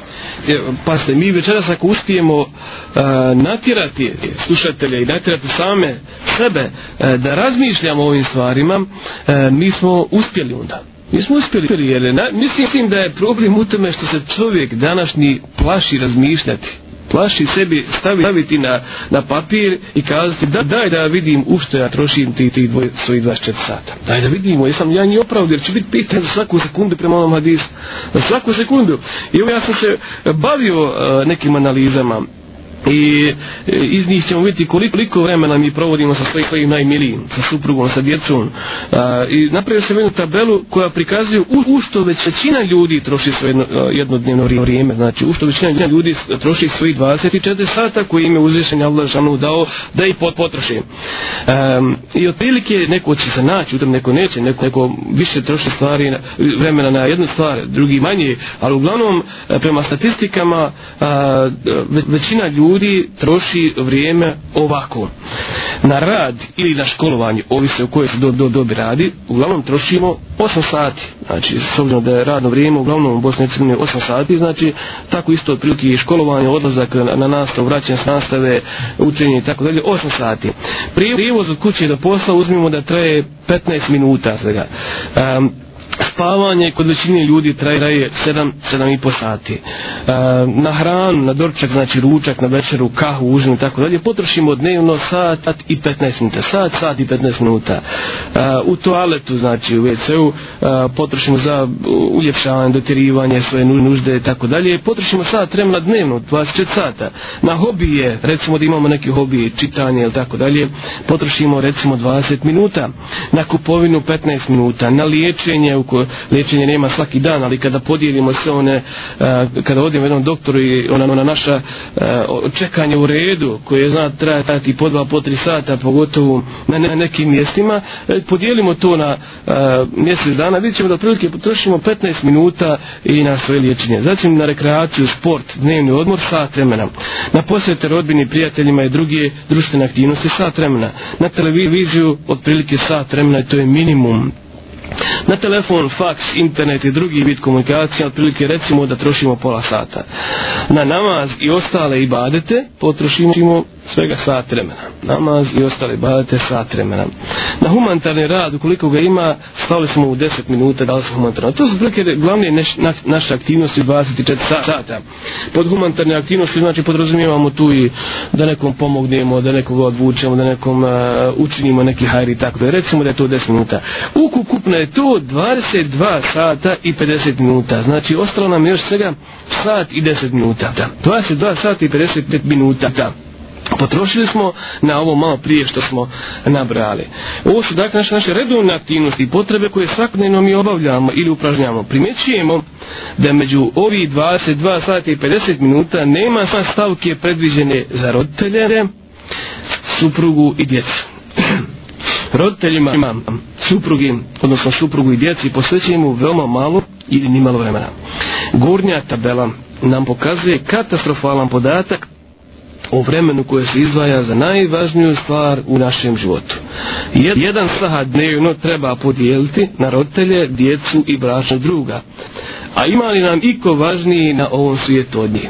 Svi ćemo sada koji stopa kazati, oni su nam najvažniji i kada smo sa njima kao vidje, i muž govori to svoje sobu, ti si mi najvažnija i ovoj djeci vi ste mi sve u životu i vi to jednim drugima ponavljam svaki dan, a vidi koliko smo im predvidjeli vremena. Očito je da naš, naš dnevni raspored treba reorganizaciju posebno u segmentu porodičnog vremena. Ukoliko svaki dan Evo ja nudim jedno rješenje, prilike kako mogu štedjeti na vremenu, gdje bi mogli ot, otkinuti malo. Ukoliko svaki dan umjesto 7 i po sati spavanja, budimo spavali 7 sati i 15 minuta recimo, mi ćemo uštedjeti svaki dan 15 minuta. Za mjesec dana to je već možda i, neko, možda i dan čitav. Ako svaki dan od televizora otkrijemo 10 minuta telefona, hrane i sjedenja 30 minuta recimo, bit ćemo u prilici da obezbedimo dovoljno vremena za djecu i naša druga. Znači, e, pokušajmo na uštrb ti komunikacija, ti razgovora, ti sjelenja, pogotovo jalovih rasprava, na uštrb spavanja, otkrenuti samo 10 minuta, e, mi ćemo dobiti mnogo za svoju porodicu. Kada bi nas upitali, šta želimo od života? Svi bi mi rekli lijep i uredan porodični život. Dobru i poslušnu ženu i dobro odgojenu djecu. Možemo li to postići sa manje od dva sata vremena dnevno? šta činimo da zaista to što želimo imamo. Evo večera smo vidjeli jednu veoma lijepu e, emisiju, veoma lijepe scene e, Hvala Allah Rešanu pa ona kidnapovanje e, djeteta od Mirze Varšanovića e, ne, neslavno se završilo po kidna pere, hvala Allah, rečeno, pa je djete vraćeno. I vidjeli smo, e, svi, svi smo se u, u, probudili nas je to iz jednog sna, sna, sna. Znači, zamislili smo se odma o sebi, o svojoj porodci, o svojoj djeci prije svega, o svojoj suprugi, šta ako se to što nama desi i tako da. Tek u, u tim trenutnicima mi vidimo značaj porodce i koliki je značaj kada su oni svi na okupu. I to je potvrdio ovo što sam oprije rekao da svi, svaki čovjek želi e, lijep i uredan tam porodični, porodični život. Svaki čovjek muškara želi poslušnu ženu. E, svaka žena želi finog, e, vjernog muža. E, svaki muškarac i žena žele dobro odgojeno djecu. Međutim, međutim, šta činimo da zaista to što želimo i imamo u svom životu? Ja ću danas primjer imama Neverija. Imam Neverija je veoma kratko živio ali je postigao svoj cilj u životu. Njegov, njegov cilj je bio steći što više znanja i proširiti ga na pokoljenja koja dolazi. U tu svrhu on je u svom veoma kratkom ovodinačkom životu napisao ogroman broj dijela. Mi možemo kazati da je Nebevi uspio realizovati svoj projekat jer je među, između ostalog u njega ulagao mnogo vremena. Znači uspio je zato što je ulagao mnogo vremena. Time nam je pokazao da naš život da naš životni cilj prije svega ili naš životni projekat koji jeste porodca može biti ostvaran ukoliko mu budemo posvetili svu svoju pažnju i svo svoje vrijeme. Dakle, ako je naš životni projekat naša porodca, koliko onda vremena treba da uložimo u njega da bismo uspjeli? Ako je on bio dobar učenjak zato što je trošio dovoljno vremena na put sticanja znanja, koliko treba nama da budemo dobri muževi, da budemo dobri očevi, da budemo dobra djeca, e, da ne možemo e, usputno usput biti dobri muži, ne možemo usput biti ti dobro odgojene djeca, ne možemo usput biti e, dobri otac i mati. Prema hadisu poslanika, ali i sa nam, prosječan život jednog čovjeka između 60 i 70 godina, To je prosječan život današnjih čovjeka. Za taj period čovjek 20 godina spava. 12 do 16 godina se škole. Znači već trećinu svoga života otpisao. 20, 20 godina spava. 12 do 16 godina se školuje. 13 godina radi. 4 godine jede. 4 godine provede u ibadetu. 3 godine provede samo u kupatilu. I tako dalje. Koliko godina godinama ostao za porodicu? Koliko želimo biti sretni, podijelimo vrijeme koje nam je na raspolaganju kako treba. Nije zabranjeno planirati, nije zabranjeno planirati, mi se time ne miješamo u Allahu sudbinu koje smo prošli puta govorili. E, nama je e, u našoj kompetenciji da planiramo, a hoće li tako biti ili ne, to je u Allahu i kompetenciji. U našoj mogućnosti je da sve do utančine planiramo i predvidimo, a onda se pouzdamo u Allaha i od njega tražimo uspjeh porodice naše su najvažniji projekat u našem životu. Briga o njima je naša dužnost. Uz uzvišenom Allahu ćemo im odgovarati ukoliko im ne posvetimo dovoljno vremena i pažnje. Možemo biti uzrokom njihova ulaska u džennet isto kao što možemo biti i uzrokom njihova boravka u vatri. Allah je šanu kaže Ja ledina amanu kujem fusekom vehlikum nara. O vjernici sebe i svoje porodice čuvajte vatre čije će gorivo ljudi i kamenje biti čuvajte sebi svoje porodice dakle Allah šano um, potencira na porodici poslanik sa Allah jedne prilike rekao je Abdullahu ibn Amru ibn Asu ti imaš obaveze prema Allahu imaš obaveze prema sebi i imaš obaveze prema svoje su, su, supruge pogledajte Allah ti lično i tvoja supruga To su, znači, to su, od, odnosno, od nje, nije ide dalje poruca. Znači, poruca srca ti je najbitnija u tvom životu, nakon ibadeta Allaho Žešanu. Zato, zato izvrši obaveze prema svakom od njih, kaže poslanik, kao je selam i to nagba. E, interesantno je, e, svi mi, kad smo se vjenčali, evo sad govorimo o hoženim bračim, evo, o parovima, jel? I udatim. Kad smo se vjenčali, obećali smo jednom drugom da se nećemo razdvajati i da ćemo uvijek zajedno biti. Svaki trenutak bez tebe kao godina je dugačak, znali smo jedan drugom govoriti. Svaki trenutak bez tebe voljena ili voljeni kao godina je dugačak, znali smo jedan drugom govoriti. A, a sada, kao da se nešto dešava sa bračnim drugima, kao da se nešto dešava e, sa tim e, voljenim kao da se vremenom naviknu jedno na drugo ili ne daj Bože kao, kao da dosade jedno drugima. Ljubav se kod mnogih mijenja nagore u kasnim godinama, što je svakako suprotno zakonima ljubavi. Koliko ljubav postoji, koliko ima, ona treba da bude sve jača i jača vremenom i sve veća i veća vremenom. Ljubav ne smije imati starostnu dob i nema je. Ona traje čitav dunjalnički život i nastavlja se i nakon smrti u džennete, kao što kaže uzvišenja Allah Rešanuhu, edenski vrtovi, u koje će ući oni i roditelji njihovi, njihovi i žene njihove. I žene njihove idu sa njima, znači ponovo, da ne bude kao što što jedan onaj dedo, kad, kad sam mu ja citirao ovaj kuranski ajed, uh, e, pa mu kažem, eto, dedo i tvoja će hađinca s tobom ako bude žene. U, nemoj mi je tako, ne, ja neću nije od žene, tako se ona kaže, tako sam, znaš, naš dedo je pomislio da je, valjda mu je žena, valjda nisu imali, jer uredan i fin brak u dinaličkom životu. Dakle, braćo i sestre, ovde moramo da se zamislimo i da razmislimo znači o svojih 24 sata za koje će sigurno biti e, ja sam napravio jednu analizu koja ne mora da se odnosi na svakog čovjeka nije nužno ali je činjenica da su ovo naše redovne aktivnosti pokušajmo sebi napraviti raspored u svom životu i pokušajmo ga praktikovati ako voda time ćemo lakše e, pred Allahom položiti račun u što smo potrošili vrijeme isto kao što ćemo lakše pred Allahom Želešanovom položiti vršiti račun e, e, za svoje poruce, za svoje supruge i svoju djecu. Um, lijepo ste ovo Havze Fendija ispričali, međutim, um, naveli ste primjer uh, jednog od alima velikih koji nije gubio vrijeme.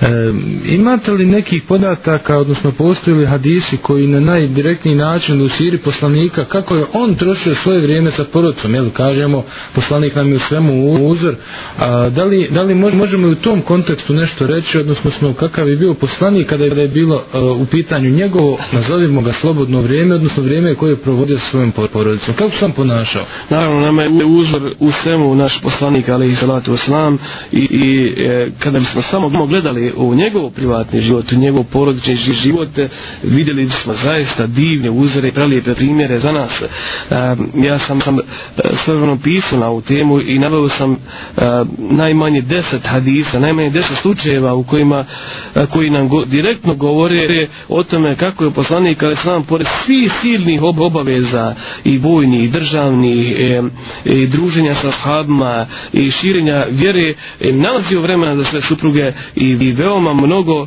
a, hadisa imamo koji su preneseni upravo ti njegovi supruga iz slučajeva u, u druženju sa njim. Na primjer iz hadisa Eh, saznajemo da je poslanik ali sad sa nam se znao, znao baviti sportom sa svojim suprugama znao je sa njima trčati, znao je sa njima u prirodu ići šetati, znao je se držati je za ruku eh, sa Aisha radi Allahu Anha eh, znao je sa njom i časkati i voti razgovor kao najveći romantičar znao je sa njom rješavati i brojna na, fikska pravna pitanja, znao je sa njom razgovarati na razne teme što nam govori evo, samo o jednoj njegovoj suprugi, ja ne govorimo drugima.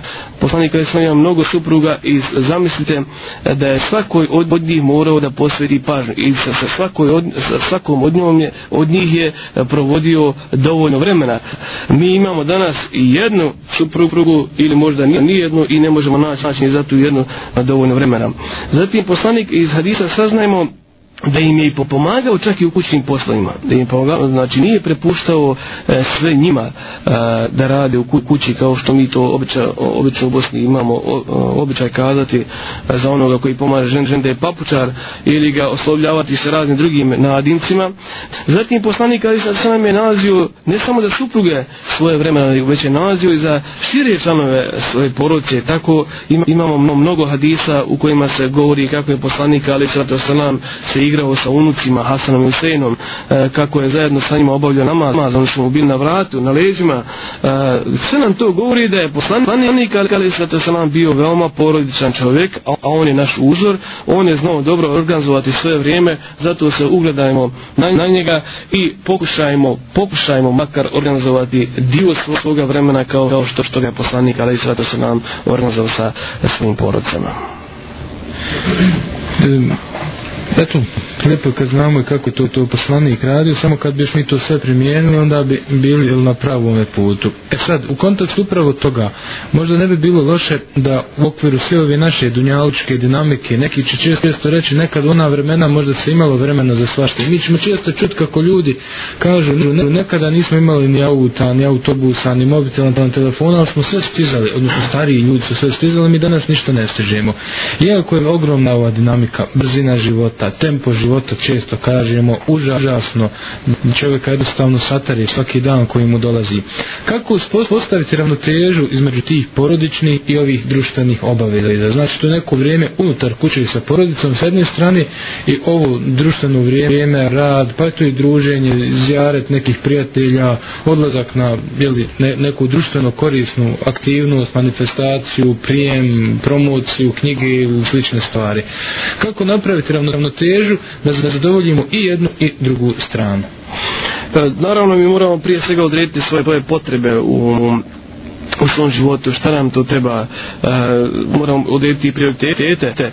E, činjenica se mi žalimo na vakate, o malo prije smo govorili o tome da nema čovjeka među nama koji se neće požaliti na vrijeme, e, svi govorimo o njegove brzini, svi govorimo o dinamici, svi govorimo o tome kako ne možemo upravljati svoj vremenom, niti ga možemo kontrolisati. Nastao je jedan opći haos, nastao je nered u raspad vremena jer svoje vlastito vrijeme ne možemo kontrolisati kako ćemo tek tuđe. Zbog toga je nužna uspostava ravnoteže u dužnostima i pravima. I recimo i duševne bolesti su nastale zbog poremećaja u duševnom i materijalnom. Zbog čega? Zbog toga što smo pretjerano pažnju posvetili materijalnom dijelu e, čovjeka na uštrb duše koja ne odvojuje dio čovjeka. Zbog, zbog toga mi danas imamo veliki broj duševnih bolesnika recimo. Tako isto nastala je e, e, znači, znači nastala je nastao je veliki poremećaj uspostavljeno teži u svojim obavezama i pravima. E, zbog toga je preporuka i mužu i suprugi da moraju da vagaju između prava i dužnosti e, prema e, svoje porodcici. E, pet je najvažniji potreba e, u životu jednog čovjeka. Radi se dakle o nužnim stvarima u životu od kojih ne možemo nikada odustati i radi kojih smo spremni žrtvovati. Peti područja, dakle, među, među kojima se mora uspostaviti ravnoteža i kojima svakodnevno moramo odrediti ciljeve. E, prva na, naša nužna potreba jeste li, lična potreba, u što spada odmor, šetanje, sport, hobi, razgovor, posjeti i tako dalje. Čovjek znači mora naći vremena za samog sebe. Zatim drugi, drugija, druga vrsta potreba jesu poslovne, posao, u što spada vrijeme predviđeno za radne aktivnosti, rad, radi obezbijenja životne egzistencije i sebi i porodci. Sljedeća potreba u našem životu jeste poru, o, vrijeme predviđeno za ibadet, u što spada nama, zikr, dova i tako dalje. I bez njega ne možemo. E, četvrta potreba jeste to porodično vrijeme, u što spadaju kućni poslovi, vrijeme za bračnog druga, vrijeme za djecu, vrijeme, vrijeme za roditelje i tako dalje. I peta potreba u našem životu jeste ostvarivanje životnih ciljeva i projekata. Svaki čovjek ima svoj životni projekat, svaki čovjek ima svoj životni cilj. Ovo su pet stvari bez koji život ne može funkcionisati. Ovo su pet vremena koje čovjek mora ukomponovati u svoj svakodnevni život. Bez njih se ne može, bez drugih se ipak može. Bez svega drugog se može, ali bez ovih pet ne može. Kada nastaje nered?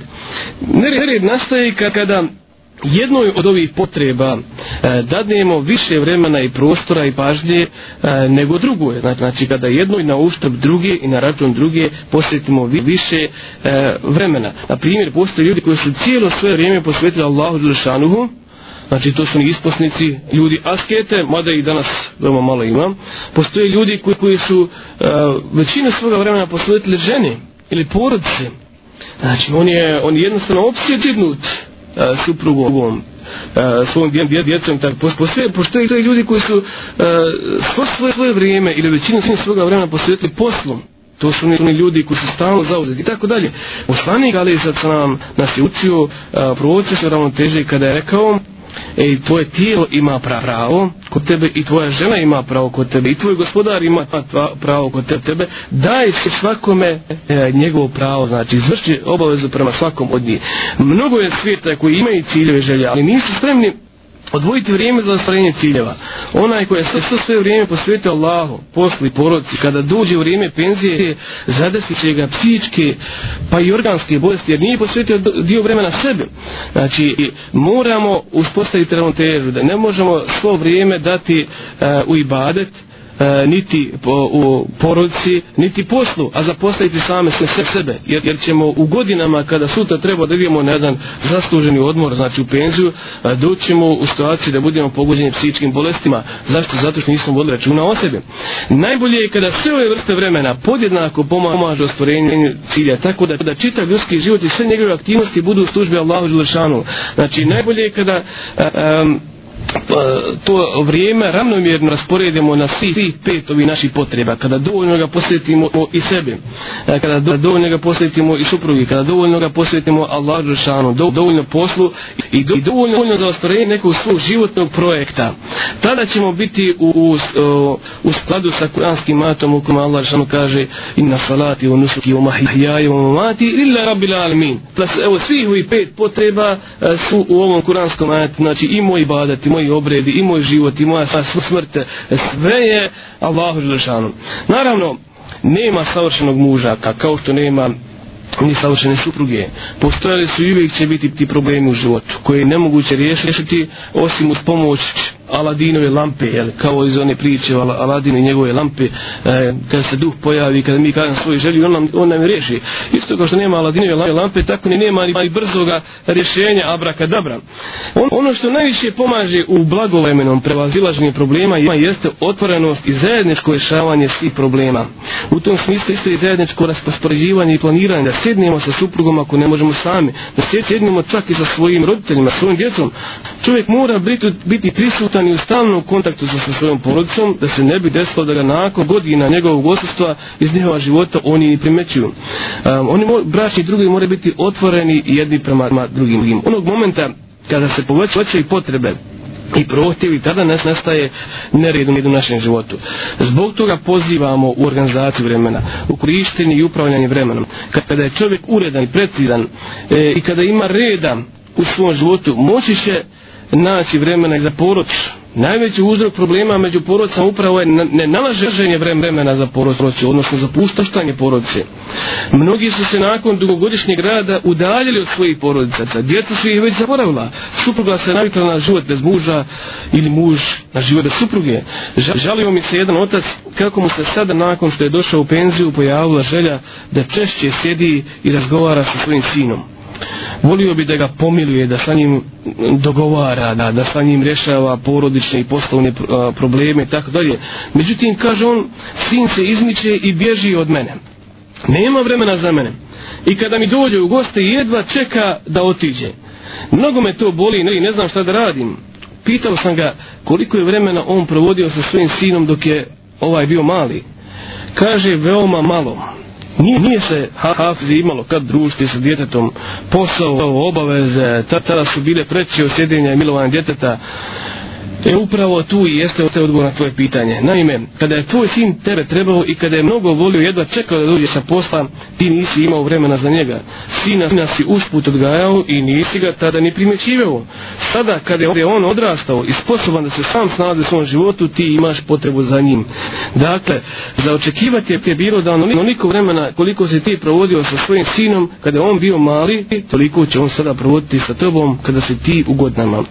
Svakodnevno mi slušamo ovake priče, svakodnevno se naslušamo jadikovke, zbog toga da ne bi doživjeli da ne bi doživjeli e, priču, slučaj ovoga čovjeka koji se požalio na svoga sina e, koji nema vremena sad za ocu, za svoga oca, za svoga roditelja e, već od sada kada dobijemo to prvo dijete, drugo dijete dok su oni mali, provodimo dovoljno vremena sa njima kako bi oni ako budu sutra provodili dovoljno vremena e, sa, sa nama kada govorimo o tim, hajde da kažem, najvažnijim potrebama u životu svakog insana, e, nešto što će biti generalno gledajući svima nama interesantno, su ta, nazovimo ih, pravila u organizaciji porodičnog vremena. Svaki insan za sebe će napraviti neka pravila i reći ovo je moj plan, ovo su moja ta pa pravila po kojima se vladam ja i moja porodica i svi moji prijatelji sa kojima sam u komunikaciji prilagođavat će se tome ili ću se ja prilagođavati nekim njihovim pravilima. Ima čest slučaj da, da bismo rado i svoje neko slobodno vrijeme ugrozili da bi bili s nekim prijateljem koji baš tad u tom vremen, trenutku ima slobodno vrijeme za eventualnu kahvu. E, možemo li govoriti o tim pravilima pravilima organizacije porodičnog vremena, odnosno možemo li uzeti neku vrstu pouke, je li, je li ta pravila pretvorimo u neku, neku vrstu pouke kada, kada, je, kada je u pitanju organizacija porodičnog vremena i, i da se na osnovu tih nekih uslovno rečeno pravila i potavimo li sutra u neku, nekom našem svakodnevnom planiranju. Da li postoje pravila i da li se trebamo čuvati tih pravila, to je broj jedan, ako ih ima, koja sa su to, koja su najvažnija i kako ih naravno primijeniti u svakodnevnom životu. Burum Hafze Efendija, s tim da evo, ne bi bilo vaše da ostavimo kojih bar 5-6 minuta za naše slušalce, tema je jako, jako opšeširna, a eto mi smo možda je u narednih 5 minuta, 6, 6, 7, zavisi kog će Hafez odgovarati na, na ovo posljednje pitanje i zatvorili ovaj nijet, odnosno zatvorili temu za večeras. Budem Hafez, Efendi. E, pa naravno sa svako će pitati na, na kraju kako je to, daj nam neki prijedlog kako da mi osporedimo to svoje vrijeme. E, ja bih ponudio večeras i sebi i vama, dragi slušalci, da e, primjenimo deset pravila u organizaciji porodičnog vremena. E, kao prvo spomenujemo da planiramo nam dnevne svoje aktivnosti kako bi se vrijeme predviđeno za njih precizno i pravilno iskoristilo. Znači, ukoliko budemo svaki dan planirali se svoje aktivnosti i slijedili svoj plan do detalje, neće nam se desiti da nam vrijeme tek tako izmiče. Znači, možemo to raditi uveče prije spavanja, za naredni dan napraviti svoje planove i planirati. Samo takav čovjek zna kako će započeti dan, a kako će ga i završiti. Znači, planirajmo svoje dnevne aktivnosti. E, drugo, određujemo prioritete. Definišimo svoje prioritete u životu. Veoma, veoma mnogo stvari koje u toku dana trebamo uraditi. E, u toku mjeseca, u toku, u toku života. Neke od njih su hitne i neodložene. Neke su važne, a druge nebitne. Da bismo znali koje moramo danas uraditi, a koje možemo odgovoriti za sutra, nužno je da odredimo prioritete. S obzirom na prioritete, svi poslovi se dijele na četiri vrste, uglavnom na veoma bitne i hitne. Zatim na veoma važne, ali ne i hitne. Zatim na nevažne, ali hitne i na nevažne i na hitne, znači one koji, ni, koji, su, koji se mogu, mogu raditi kasnije. Obično najviše vremena uzimaju nevažni, ali hitni poslostoji. Mi ih učinimo hitni. Zovemo ih vanrednim poslom ili onima koji ulaze u stavku ono pod ostalo, pod raznom. Ušina ljudi koji, koji nemaju ciljeva u svom životu ili ih imaju, spadaju u kategoriju 1 i 4 zbog toga su stalno u nekoj žurbi, znači to su oni ljudi koji e, obavljaju nevažne, poslove ako i nisu hitni. Ako malo razmislimo vidjet ćemo da su najbolja djela ona koja su važna, ali ne i hitna. To jeste djela, djela iz druge grupe, znači, e, ko, za ko, koje dugoročno radimo. Radi se o djelima i projektima dugoročnog značaja, dugoročnog značaja koje trebamo početi raditi odmah ali dati sebi vremena da ih možemo odraditi. Ova četiri pravila nam pomažu u određenju naših prioriteta. Ovih pet vrsta vremena u ranutetešći nam također pomoći. Znači, pokušajmo sebi uh, odrediti šta je to za nas veoma bitno i veoma hitno i to odmah radimo. Opokušajmo sebi odrediti šta je to za nas važno, ali što nije hitno, pa ga dugoročno radimo. Zatim opokušajmo odrediti šta je, šta je nevažno, ali i hitno. Da bismo to sve znali, vi moramo staviti sebi na papir i moramo voditi evidenciju o svojim prioritetima. Sljedeće što bi predložio jeste da uradimo uvijek prvo ono što je teže. Po prirodi ljudi čovjek teže poslove odrađa i ostavlja za kraj, a prvo odrađuje lakše što je greška. Upravo se tu on prevari. Mi smo uh, malo prije spominjali uh, da jedan od načina kako ćemo izliječiti haos i nered u organizaciji svog porodičnog vremena jeste da, da uvijek radimo ono što je teže prvo, a da lakše ostavljamo uh, za drugi dan ili za kasnije, jer je to i psički mnogo, uh, mnogo djeluje na čovjeka. Četvrto, pomažimo se drugima u poslema, znači Znači za poslove koje ne moramo mi odraditi, možemo povjeriti nekome drugom, možemo povjeriti svoje suprugi, možemo svome djetu, možemo svome prijatelju. Znači nemojmo gubiti vrijeme na poslove koje može drugi odraditi umjesto nas. E, peto, povlad, po, Znači, kada osjetimo pritisak, kada osjetimo da ne možemo poslove neke a, obaviti i, i izvršiti na vrijeme, onda se povucimo jednostavno i odgodimo te poslove za, za neko drugo vrijeme. E, zatim šesto, a, e, neka nam ne bude te teško nekada radi nekog pro, porodičnog problema koji je neodložan u poroci, neka nam ne bude teško zatražiti od svoga pretpostavljenog, svoga direktora a, odmor, dopust da, na, da nas pusti kući. Znači, nemojmo... A, E, iz, iz straha nekoga e, otpuštanja sa posla odgađati bitan porodični problem koji može uticati, htjeli mi to ili ne, koji može uticati na porodično slađe, a može dovesti do razvoda braka. E, sedmo, moramo imati jasan cilj u svom životu. Mora čovjek imati jasnu predstavu o životu, o sebi, o poroci, o društvu i mora tačno znati šta hoće od sutra. u žara u čitere, ta odam, mora da znati zbog čega radi to što radi, šta očekuje te supruge, da li samo da mu pere, kuha, e, da ga hrani, pazi i tako dalje, ili ima, ima nešto uzvišenije od toga. Onaj ko me nije jasan cilj 24 sata je zauzet jer ne zna svoj cilj, to su sad se vraćamo na one ljude koji su stalno zauzeti. Znači onaj koji sutra nema nema isplaniran dan, onaj ko, ko nema za sutra jasan cilj što treba urati, on, on je zauzio stalno. To su, ljudi, to su ljudi koji samo vidimo trče, trče, trče, ali ništa iza njih ne, ne, e, ne vidimo. Kad ga upitamo zašto je stalno zauzio, kada će nam da ni on sam ne zna, ali da je eto zauzio. Šta, šta ti je cilj u životu? Pitam opet, opet će kazati da nema nikakvog cilja. Nisam, kaže, nikad ni razmišljao o njemu. Ja se bojim i razmišljati o svom cilju u životu. Zbog toga se, kaže, zapošljavam nečim drugim. Tu dolazimo ono do, do šetanog onog. E, kada, ka, kada se kaže da ako čovjek sam sebe ne uposti nečim, postiće ga šetan. Znači, doće besposlica.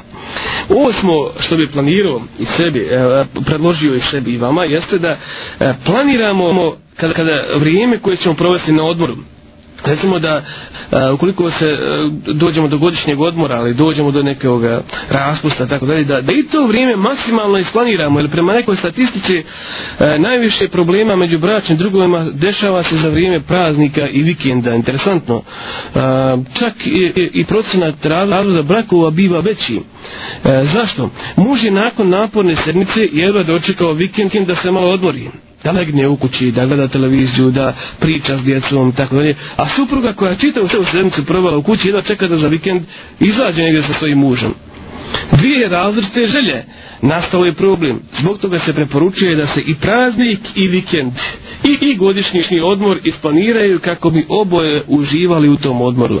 A, ako unapred obavijestimo suprugu da tog dana hoću da se odmaram pola sata, ona je već, znači, e, psički će spremiti za to u redu, ok, ti si u kući ti se odmara pola sata, pola dana. A ćemo drugu polovicu dana iskoristiti i otići negdje na odmor, izaći negdje sa djecom i tako da i tada neće nastati problem. Međutim, ukoliko ostavimo pa da, da planiramo tada kada i nastane odmor, naravno bit će teško, teško će biti uskladiti dvije različite želje. E, deveto a, pavilo, u organizaciji porodičnog života jeste da odvojimo dovoljno vremena za sebe. E, znači da mi moramo u toku 24 sata imati vrijeme koje ćemo posvetiti samo sebi. E, jednostavno da, da razmislimo o životu. Jednostavno da stanemo e, nogom na loptu i da pokušamo e, u nekim stvarima i koje su nas prošle razmisliti i onima koje nas tek čekaju. I da znači stavimo sve stvari na svoje pravo mjesto. E, znači treba nekad uzeti odmor i osamljati sramiti se čak i o same supruge i o svoje djece. I deseto, deseti prijedlog u planiranju porodičnog vremena jeste da uvijek imamo rokovnik u koji ćemo bilježiti ti ostvarene ciljeve i realizovane projekte. Svejedno je da li ti projekti bili mali ili veliki. Dobro je da se nekad čovjek realizovanom projektu, realizovanom svom cilju, pogotovo ako je bio uspješan, dobro je da se nekada uveseli i da se retroaktivno vrati Andrija i kaže gledaj e, draga moja žena, gledaj dragi moj muž, gledaj kako smo, smo uspjeli u, u, tim stvarima i onda to čovjeka raduje, normalno da se čovjek e, voli radovati svom ličnom uspjehu isto kao se voli radovati e, i biva mu drago kad ga neko pohvali neka se i nagrade nekada zbog toga ako ovako budemo radili uvijek ćemo imati vremena za sve a posebno za svoj porodcu. E, znači, pokušajmo liječiti stvari prije nego nastane problem. Znači, pokušajmo preventivno djelovati čak i u ovom, u ovom, ovom jednom pogledu. Znači, e, kada prevencija biva polja od liječenja. U tom smislu, ja spomenuo jedan primjer ove prevencije. E, spominje se slučaj mještana koji iz jednog sela u planini seljani su živjeli daleko znači od grada na putu u, u kudan su prolazili mještani drugi putnici nalazila se velika okukaka u kojoj se vrlo često dešavale nesreće Vrlo često dešava nesreće. Onaj ko nije znao za okuku i nije se znao kretati planinskim puteljkom i nije znao prilagoditi svoju brzinu, padao bi veliku provaliju u podnožu planine. A visina je bila velika. Kogod bi pao, i poginuo bi odmah. Pametni ljudi sada odluče da nešto učine kako bi spriječili ili umanjili broj poginuli. Dogovorili su se da u podnižu planine izgrade bolnicu. Vodili su se logikom da kad već ne mogu da spriječe padanje, da makar pokušaju pružiti pomoć onome ko padne i na taj način spase mu možda i život sagradili su bolnicu i spremno su dočekivali žrtve i odmah bi treba prebacivali na intenzivnu njegu. Tako se broj sa 360 ljudi koliko im je do tada ginulo godišnje smanjio na 180 ljudi. Smatrali su to velikim uspjehom, prepolovili su broj mrtvi. Nakon određenog perioda, jedan, jedan od pametnih ljudi i sva predloži im da se na, krivi, na krivini, na toj okuki sazida jedna velika jaka ograda koja bi sprečavala pad ljudi. E, okuka koja bi omogućavala ljudima da e, sigurno prolaze e, tom krivinom e, i da ne padaju u provaliju. Svi su se iznadili ovom prijedlogu. Svi se znali u ovom predlogu, naravno podržali ga i čudili se sami sebi kako im taj prijedlog nije pao na pamet ranije. E, dakle, ovo nam govori ovdje da je prevencija bolja od liječenja, oni su učinili dobru stvar kad, kad su sagradili bolnice, međutim, prevencija je e, mnogo bolja. Dakle, da su mještani odmah učinili ono što su na kraju učinili, niko je sada ne bi poginuo. Naš nam mentalni sklop uvijek kao po nekoj inerciji sugeriše da se brinemo o liječenju posljedica, a ne da se bavimo sprečavanjem uzroka, iako nas islam upravo u ovome drugom uči. Takav je slučaj i sa borbom protiv droge. Ovi dana smo nas obilježavali e, dan borbe protiv side, isto tako i drugi pošlasti savano doba, čita svijet naopako liječi probleme društva. Poruka je da je braći drugojima da onog momenta kada se problem pojavi, da sjednu, odvoje vremena, znači da isplaniraju to vrijeme, da razgovaraju i pokušaju riješiti problem prije nego sagrade bolnicu, znači prije nego li bude eh, možda kasno i prije nego li ta, taj njihov problem dovede do još veće nesreće, ne daj Bože. Bože. Dakle, ovih deset pravila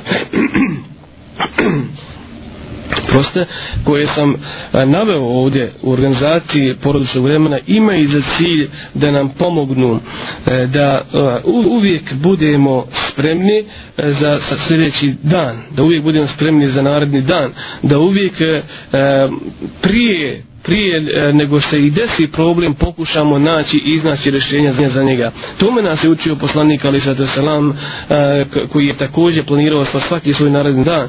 Tome su nas učili e, svi veliki islamski autoriteti koji su i tekako znali iskoristiti svoje vrijeme. Ovih deset pravila će nam ako Boga pomoći da i mi uz Allahovu pomoć iskoristimo vrijeme koje nam je dato i koje se više nikada neće vratiti.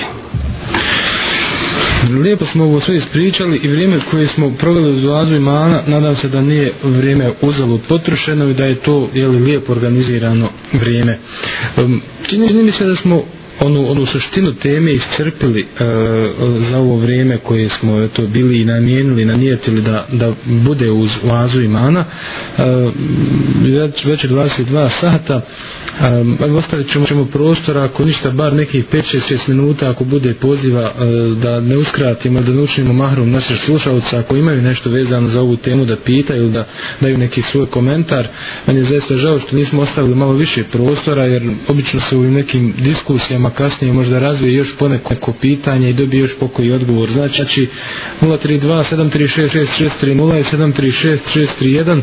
Bojrum, poštovani slušalci, govorimo o organizovanju porodičnog vremena i o svim aspektima tog organizovanja nekada da je ono dobro nekada loše je raspoređeno Hafiz je ponudio i neke od, od odgovora odnosno neke od rješenja a, za, za dobro organizovano vrijeme a ono sa sobom nosi vidjeli smo jako mnogo drugih hajrova koji ne se gledaju samo o tome da ćemo imati dovoljno vremena da se rasporedimo nego će i porodice ljudi oko nas pa i naš posao, biznis, naše poslovne sastavljaju nastanci, sve će to na jedan svoj način biti ili bolje ukalkulisano samim tim i bolje sa plodonosnim, da tako kažemo, rezultatima. E, što bi se još moglo, mogu Hafiz Efendi, evo na brzinu vremenu reći, očekujem ako, ako bude neko od, od zainteresovanih da pita, da bujrom telefon je otvoren, ali, ali što još dodati kako bismo zaokružili ovu temu na kraju? Da li, da li možda spominjati bereket, koji često ljudi vadije na to, kažu nema bereketa u vremenu, ili neke slične stvari, ili, ili evo, da vama ostavimo naravno prostora za jedno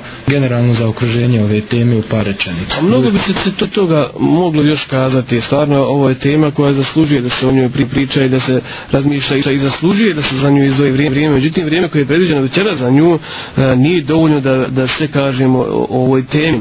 Ali ovo što bi na kraju a, e, emisije još a, e, predložio, i sebi i vam, naravno, kad god predlažem nešto, predlažem prvo to sebi, pokušavam, ako Bog da uz Allah pomoć, da to praktikujemo svoje porodice. E, predložio bi da imamo redovna porodična sjela. E, sjelo koje e, ne smije biti tek onako mora biti osmišljeno mora biti e, možda uz knjigu uz priču, uz neki hadis da se svaku noć ima, ima običaje pročitati po jedan hadis ili neko, neko kad ako ništa drugo može se slušati zajedno, zajedno kasete ili predavanje može biti to porodično vrijeme koje smo rezervisali samo za porodicu može biti uz sport može biti uz rekreaciju može biti izlet može to biti i posjeta rodbini može to biti i zajednički e, noćni namaz Važno je da vrijeme bude rezervisano samo za porodcu i važno je da ima svoj program. Dakle, da, da nam se niko, da ne dozvolimo da nam se iko umiješa i uleti u taj naš e, vremenski prostor. E, jer, zašto? Zato što su mnoge koriste od porodičnog vremena. Recimo, a, na, na, na takim druženjima, tim porodičnim sjelima, svi članovi porodice proživljavaju porodične probleme od samog početka. Znači, prate, navikavaju sebe, sugerišu, pokušavaju riješiti i tako dalje. Dobro, nakratko ćemo prekinuti Hafiza, imamo nekoga na liniji, linija 6311. Halo, salam alaikum. E, salam alaikum. Alaikum salam, zvolite. Hele, e, Allah vas nagradio. Ja vas e, slušam i slušava ovog brata, baš njega, njega posebno cijenim da ga Allah Žešanu nagradi. Ovaj, ali šta, šta ovaj razgovarati sa nekim koji je tako prazan, ko ne razmišlja, ko, ko je tako jednostna strana, tako željna priče, ali druga baš ništa. I pa eto, sam tamo da porazgovaram, mislim na tu temu. Da. Assalamu alaikum. Alaikum sa salam. Hvala vam. Buru Hafiz, imate komentar? imam komentar, znate što je ovo, ovo što je slušateljka iznijela uh, večeras, vidim da je to iz dubine duše, to je problem s kojim se susrećemo dan danas i namjerno i, i drago mi je postala to pitanje, iako uh, nemamo uh, toliko ni mogućnosti da, na, da ovo vrije, pitanje malo više elaboriramo, ali se nadam da će odvojiti vrijeme ako bude posebno za njega. O čemu se dakle radi, ovo kad ćemo pokušati. Uh, jedna strana je zainteresirana, druga nije. Uh, među njima, među, između muža i žene stvara se zid Pogledajte, to je taj, taj jedan zid, svaki supružnik, e, znači ona kao supruga ima svoje očekivanja, ima svoje planove, e, njen suprug najvjerovatniji i on ima svoje planove. Međutim, on nije svjestan da, da e, s, izbjegavanjem tog poličnog sila, izbjegavanjem znači razgovora sa suprugom, on između nje i sebe e, pravi jedan zid. Taj zid je danas e, mali, taj zid je nekoliko centimetara. E, za godinu dana, ako se i dalje ogluši na suprugine pozive, taj zid je sve veći i veći e, između njih. E, e nakon deset godina možda, nakon godina, nećem kada deset godina, e, supruga će možda i prestati E, upozoravati i dozivati svoga muža. Prestaći će. Zašto? Zato što je sada zid koji je nekada bio e, možda e, pola metra i bio je 10 cm, sada je taj zid možda 10 metara, sada se oni više ne vide, praktično se ne vide e, i, i njeni poziv više oni ne, ne čuje jer je ogroman taj zid i ogroman jad među njima se stvorio. Mogu li muž i žena srušiti zid među sobom nakon recimo 10 godina ovakvog života? Postavlja se pitanje mogu, mogu li ga srušiti, može li se to popraviti? E, može se popraviti, naravno nikada ne možemo ukloniti potpuno temelje, temelji su a, e, e, tu već, nećemo a, e, zavravati znači, naše slušatelje, temelji uvijek nešto ostane u tim dušama, ali mogu srušiti zid, znači može se vratiti a, normalna i potpuna komunikacija cija poslije. E, naravno i vama i svima drugima koji nas slušaju čas predložio bi da insistirate i dalje i da makar sa vašim vaše strane ne dozvoljavate da se taj zid uspostavi. Koliko se uspostavi, bit će zaista kasno na kraju ga možda i rušiti. Još ako ga imamo na liniji u Aziji Mana, govorimo o slobodnom i porodičnom vremenu. Salam liku. Aleikum selam. Izvolite. Selala iz Kaknja. Izvolite. Ovako, hoću da vas poselam i mi da vam zažalim sve najbolje da vas dragi Allah nagradi. Čula sam mnogo stvari i pitanja koja sam htjela postaviti. Čula sam odgovore, tako samo da vas poselam. Dobro, hvala vam, bak se salam. Alekum salam, hvala vam. Eto, možda, možda nije, nije nikad, nekad dobro čitao u tremu, temu pretres do kraja, jer, jer ovaj, e, sva pitanja koja možda evo slušate da kad htjelo da postavi, već su postavljena, a Hafez na njih već je odgovorio. Halo, salam, alekum. Alekum salam. Izvalite. Alekum eto baš slično ovako koji je ova prijetna sestra, ali eto čovjek odvoji svoje recimo vrijeme s obzirom da znamo da nas je Allah zadužio da obilazimo familiju, da tako i odemo i onda kad se vratim, kad to sve onako razmišljam o sebi, dođe mi nekako ko izgubljeno vrijeme, svi ti gledaju televiziju, pričaju se svi, niko, niko nikog ne sluša. Ma pa je upravo to. Hvala mi se i tako onda steknem utisak da sam izgubila to vrijeme, a očela sam kao da hajr napravim, eto znajući to, da ne cijela vas zadužio, kaže, produžava se život, povećava se na faka, bila bila veći familiju. Da. I kad se vratim tako, budem razočarana. Na. Hvala vam na pitanju. Hafiz Efendi, zaista ova sestra možda je postavila pravo pitanje. E, ljudi, vjernici imaju nijet, znaju koje su sve fadilete, obilaska, rodbine i prijatelja, tako dalje. Ododu i onda, onda im bude samo gore što su od vjeri. Svo vrijeme su gledali seriju i su slušali slušali gibet, bili e, ovaj, u, u dimuci cigara i oko nje, nje petara ili šestara pušući, ono nije ono što kažu jednu do drugu cigaru pripaljivalo. U stvari, vrati se kući prazna ta osoba koja je sa nijetom krenula da e, na hajr okrine svoje slobodno vrijeme i planirala da zazjarati recimo svoju tetku, amđinicu, deđinicu, sestru, nije, nije više bitno brata i tako dalje. Šta uraditi, što kažem s narod, kako bi pametan? Naravno, ovdje, e, ovo je veoma žalostno i veoma bolno. Upravo ovo sve ove činjenice ja sam i imao na umu kada sam spremao ovu emisiju i kada sam razmišljao o ovoj temi. I mene isto ovo, ovo boli ovo, i dijelim bol sa ovom slušateljkom e, s kojom sigurno dijele e, mišljenje svi naši slušatelji večera sam. Ovo je jedna e, zaista poražavajuća činjenica u Bosni, da nam je televizija ili, ili neka serija ili neka glupost, jednostavno sam na televiziji preča od rodbinskih veza. E, naravno nećemo biti toliko pesimisti. E, mi ako boda za naš, naš odlazak, pogotovo ako se radi o roditeljima, ako se radi o bližoj rodbini, mi imamo nagradu zato što, što smo im otišli.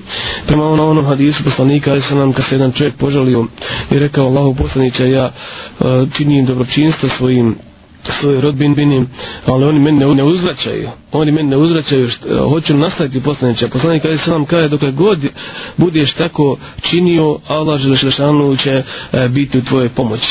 Znači, mi sa svoje strane uradimo sve, otiđimo i pokušajmo spriježiti, pokušajmo nekada se ohrabriti i navesti i na priču.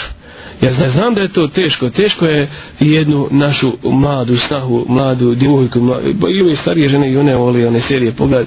Teško je njih ona odvratiti od one interesantne serije, pogotovo one što je zovu muslimanskim serijama, neke tamo onaj, u Maroku se na odradnje dešava, u stvari to je jedna podvala velika nama muslimanima, jer se eh, putem te serije ljaga upravo islam i muslimanim. I teško je, eh, interesantna je sama po sebi, kažu oni koji gledaju, i teško je odvratiti od tog toga naravno. Ali učinimo sve, učinimo sve od sebe da ih odvratimo od takvog dijela, dokažimo im da smo mi tu, da smo mi prisutni, da nas ne ponižavaju na takav način i da imamo mi televiziju kod kuće, jer da smo htjeli gledati televiziju i bi ostali kod kuće, ne bi došli e, tu vama. E, znači, e, jedno mi odradimo svoje, posjetimo ih. Drugo, pokušajmo ih odvratiti od tog dijela i pokušajmo ih navesti na, na priču ili makar prebacimo na kanal a, e, koji je možda mnogo interesantniji pa hajde se ćemo zajedno pogledati i tako dalje. Ili jednostavno izvedimo iz kuće. Sad smo se svi pozatvorali u ove kuće, će interesanto i, i, i mala hladnoća ili mali vjetar najđe, svi se porazboljevašmo. Evo sada, jučer saznajem da je u bolnici, ponovno, ponovno se vraćaju one bolesti koje smo, za koje, koje smo mislili da smo i prevazišli poput tuberkuloze nervoze i tako dalje. E, ponovo se vraćaju će te bolesti zašto zato što smo mi postali e, više e, jednostavno e, nismo imuni na te bolesti, naš imunitet je oslabio. Zbog, svega, zbog, zbog čega? Sve zbog toga što nas je taj televizor vezao za kuću, e, taj radio, taj video, te, te sve, e, e sva sredstva koja su inače izmišljena da olakšaju čovjeku, učinila su jednu veliku štetu, ogromnu štetu ovom čovjeku. Zbog toga, draga slušateljko, i vi a i svi ostali, pokušajmo učiniti sve od sebe, naša nagrada ako Bog da neće biti upitna kod Allah Đalšanu. I, I molimo Allah Đalšanu da promijenimo svoje stanje. Halo, halo, još jedan poziv imamo, salam alaikum. Halo. Imamo li nekog koga na liniji? ovaj slušatelj nije bio strpljiv ili slušatelj kako pozivamo da, da ponovi poziv i mi smo hak zaprekidali u odgovoru 032 736 i 736 ako imate još neko pitanje komentar bujrum a, mi smo već termin za našu emisiju probili a, e, evo čini mi se da je ovo novi pokušaj halo selam aleikum aleikum selam zvolite selam aleikum voditelja. Hvala vam. Krasna emisija. Samo je žalostno da sam imao radije radio Nabu. Možda mnogi serije se ne bi ni gledale. U, slušalo bi se, učilo bi se, ko što sam i sama da. iskreno rečeno.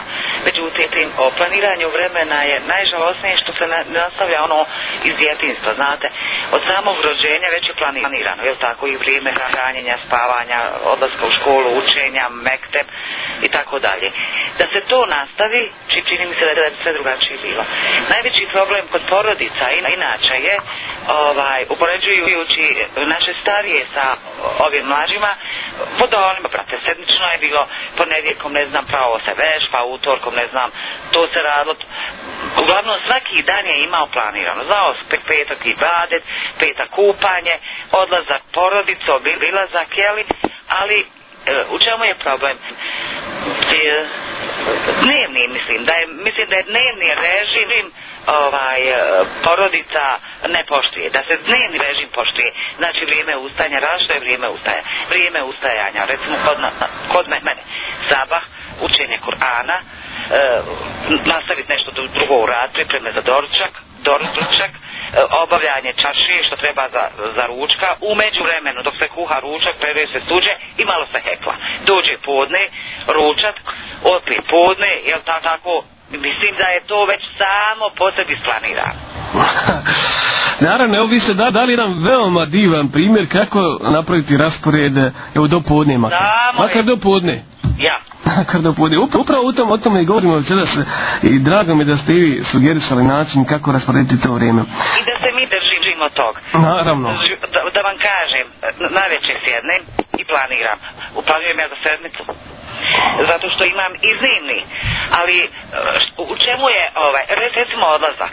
Evo ja pratim, najgore je vrijeme što se zasjedne. Ljudi ne znaju e, ograničiti same sebi vrijeme. Mm.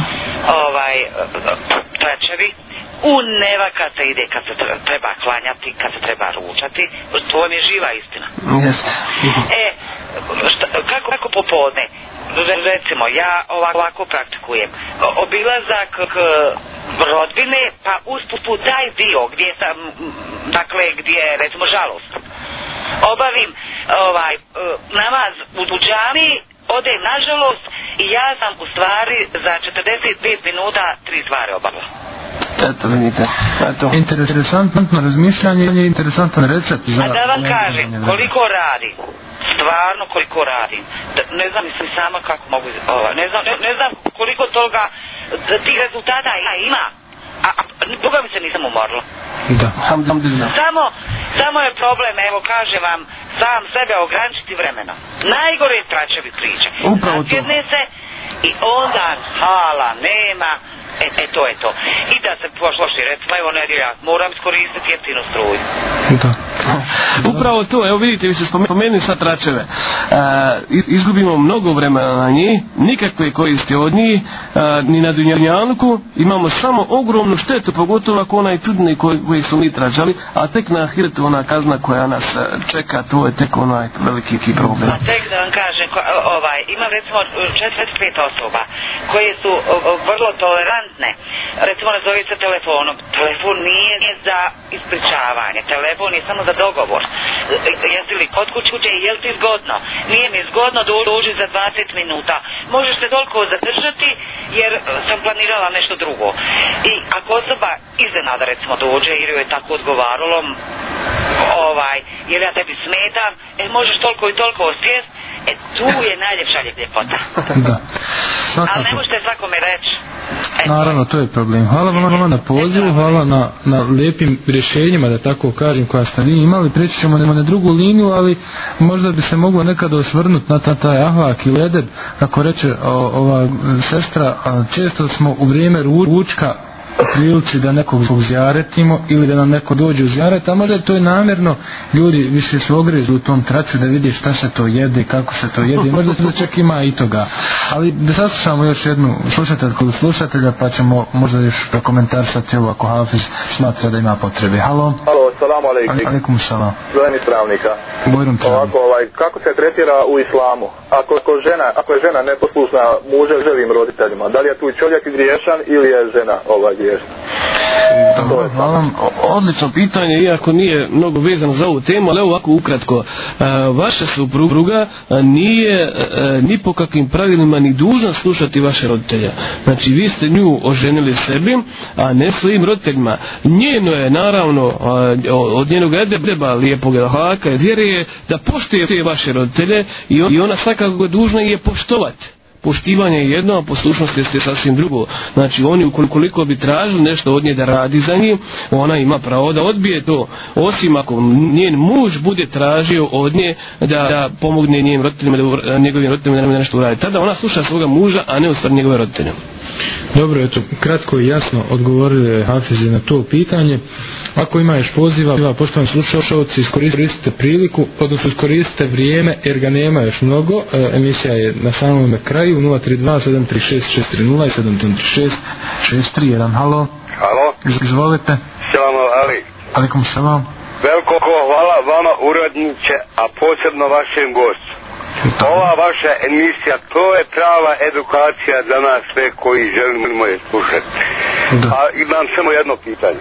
Zvolite. Da li će reprezirati se ova emisija i da li gospodin Hapapize Petrenja ima knjigu o ovoj temi? Um, ja ću odgovoriti kad u pitanju repriza sutra u 10 sati, ako Bog da kad ustanete, pa doručak, kahava i možda nešto još posla obavite pokući, od 10 sati, inšalala, imat ćete u potpunosti ovu emisiju slušati u reprizi. Hvala. E, eto i završio se emisija pola sata prije podneškog namaza, tako da će imati vremena i abdesit na vrijeme otići na namaz. Sutra od 10 sati repriziramo o Azi Mana sa Hafizom Zajmovićem, a mm, ovaj drugi dio pitanja Hafiz će vrlo podvoriti. Knjige naravno e, e, neće još, još biti knjiga o ovome, ali ja sad trenutno o ovoj temi pišem u Safafu. E, već je prvi dio ovo, ovo, ove teme izašao u, u, u, u prošlom broju Safa, sada ide drugi ako Bog da, znači, o, za par dana za drugi članak ništa. Znači možete pratiti to u safu. Biće više nastavaka. Biće više nastavaka. Dobro, sljedeća linija, halo. Salam alaikum. Alaikum salam. Ja bih volio samo da mi ovaj Hafiz recimo kaže za jedan dan raspored kako kod njega kako on to radi, kako, kako rasporedio vrijeme. On lično? Da. Dobro, hvala vam. Hvala. Dobro, iako je to privatna, privatna stvar, a, um, pokušat ću neš, nešto što da ti kažem od svoga a, uh, rasporeda. A, um, ono što je za javnost. Ono što je za javnost, naravno. Malo prije je naša slušateljka predložila dobri stvari. Znači, svaki dan eh, jednog vjernika muslimana treba da, da počne naravno sa sabahom. Ako može i prije sabaha, još bolje.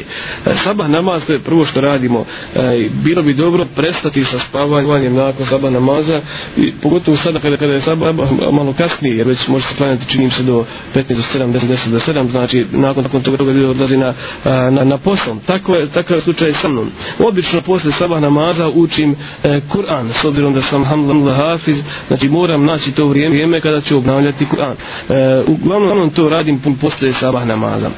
Nakon toga odlazim po, na posao, na posao sam samo 8 sati oni koji redovno radimo. E, nakon posla to je e, vrijeme e, obavezno predviđeno za porodicu. Neću vam kazati koliko ja sati provodim sa porodicom, ali eto trudim se da što više vremena provodim sa njima, sa njima s obzirom da mi je porodica, hvala Vlažu Šanu, velika, znači kada bi svakom od njih dao po, po, po pola sata, znači izašlo bi to već nekoliko sati. E, naravno, kada završi to vrijeme za, za porodicu, rezervisano samo za porodicu, isključivo za porodicu, onda čovjek može da se posveti malo svom, svom hobiju. Znači, ako voli čitati, ako voli pisati, kao što kod mene slučaj, volim čitati, oni pisati, e, nešto i pogledati možda ukoliko ima nešto interesantno na televiziji, na džezir ili nekoj drugoj stanci korisno je, to uradim. E, nakon toga dolazi opet možda vrijeme koje je predviđeno za ponavljanje Kur'ana jer mi treba najmanje dnevno e, ponavljam jedan džuz, znači valja predvidjeti to, to vrijeme za jedan džuz Kur'ana. I nakon toga, toga znači dolazi ono redovno spavanje i tako dalje. Prilike to je jedan dan. E, pokušavam znači da svaki, svaki dan ukalkulišem je ovo da se s nekim čujem, uh, da nekoga vidim i znači po mogućnosti da isplaniram vrijeme i za posjete. E, to je otprilike jedan moj radni dan. A u šta ubrajate o azu imana? Azu imana je uh, svakih 20 dana, ona, tako da planiram vrijeme za nje. Tamo. Dobro, obi linije su vam zauzete. Halo? Halo? Ili šta ova linija nije bilo strpljenja? Druga linija, salam alaikum. Salam alaikum. Čujemo li se? Ništa, nije ova linija. Nisu ljudi imali strpljenja. Evo, ostavljamo im prostora. Sad nazovite i možete ići odmah u eter. 032-736-630-736-631. Halo. Assalamu alaikum. Alaikum salam. Mislim, malo, malo mi je nejasno, ono, malo prije kada je Hafiz odgovorio za ovaj suprugu ako ne mora slušati roditelje e, ovaj ja, ja bih samo naveo neke primjere pa mislim onda bi želio njegov odgovor onda izvolite znači ovako e, imamo imamo recimo znamo mi da po lalo vjeri e, žena treba biti pokorna čovjek ono što je hajr tako isto čovjek mora biti pokoran svojim roditeljima onom što je hajr Da, da, da, da, da ne bi bilo obrazlaganja nekog velikog, dugačkog, jel? Znači, implicite, ako bi sada roditelji naredili svome svome sinu nešto, što je hajra, što se poklapa ono što je u, u onom što, jer njegova žena nije odvojena od njega, ako je pitanje porodice, onda implicite, ona, ona mora još plus, plus toga. Imamo tamo, kad Ibrahim alaih salatu vesel salam, jel? rekao ovaj, ovaj Ismail Lurista, nećemo navati kako je čitak primjera, znamo da je rekao pusti, da pusti ostavi ovaj, da promijeni kućni pravi, jel? Ovaj. Znači da je taj pus pusti, znači, e, e, ovaj, tu, znači nije bilo dobe, po, po, po mišljenju roditelja, Ibrahim Ali Salate Sala. Znači što, što ovdje ne bi se složio sa Hafizovim mišljenjem, mislim da on to malo treba malo bolje razmotriti. Selamu alaikum. E, dobro, ja vam se zahvaljujem na savjetu, a ja ću opet trebati s tomo ono, lomalo opticu pa ću kada da vi trebate malo bolje razmotriti to, jer ste sami e, sebe ovdje pobili Ibrahim, ali sr selam je savjetovao sinu Ismailu e, da pusti ženu. Znači savjetovao je sinu sin Ismail da pusti ženu. Možemo kazati i naredio sin Ismail. Međutim, si, njegov sin Ismail je taj koji traži poslušnost svoje žene i on je taj koji naređuje. Tako da, da, da mi u stvari si ne razlikujemo po ovom pitanju.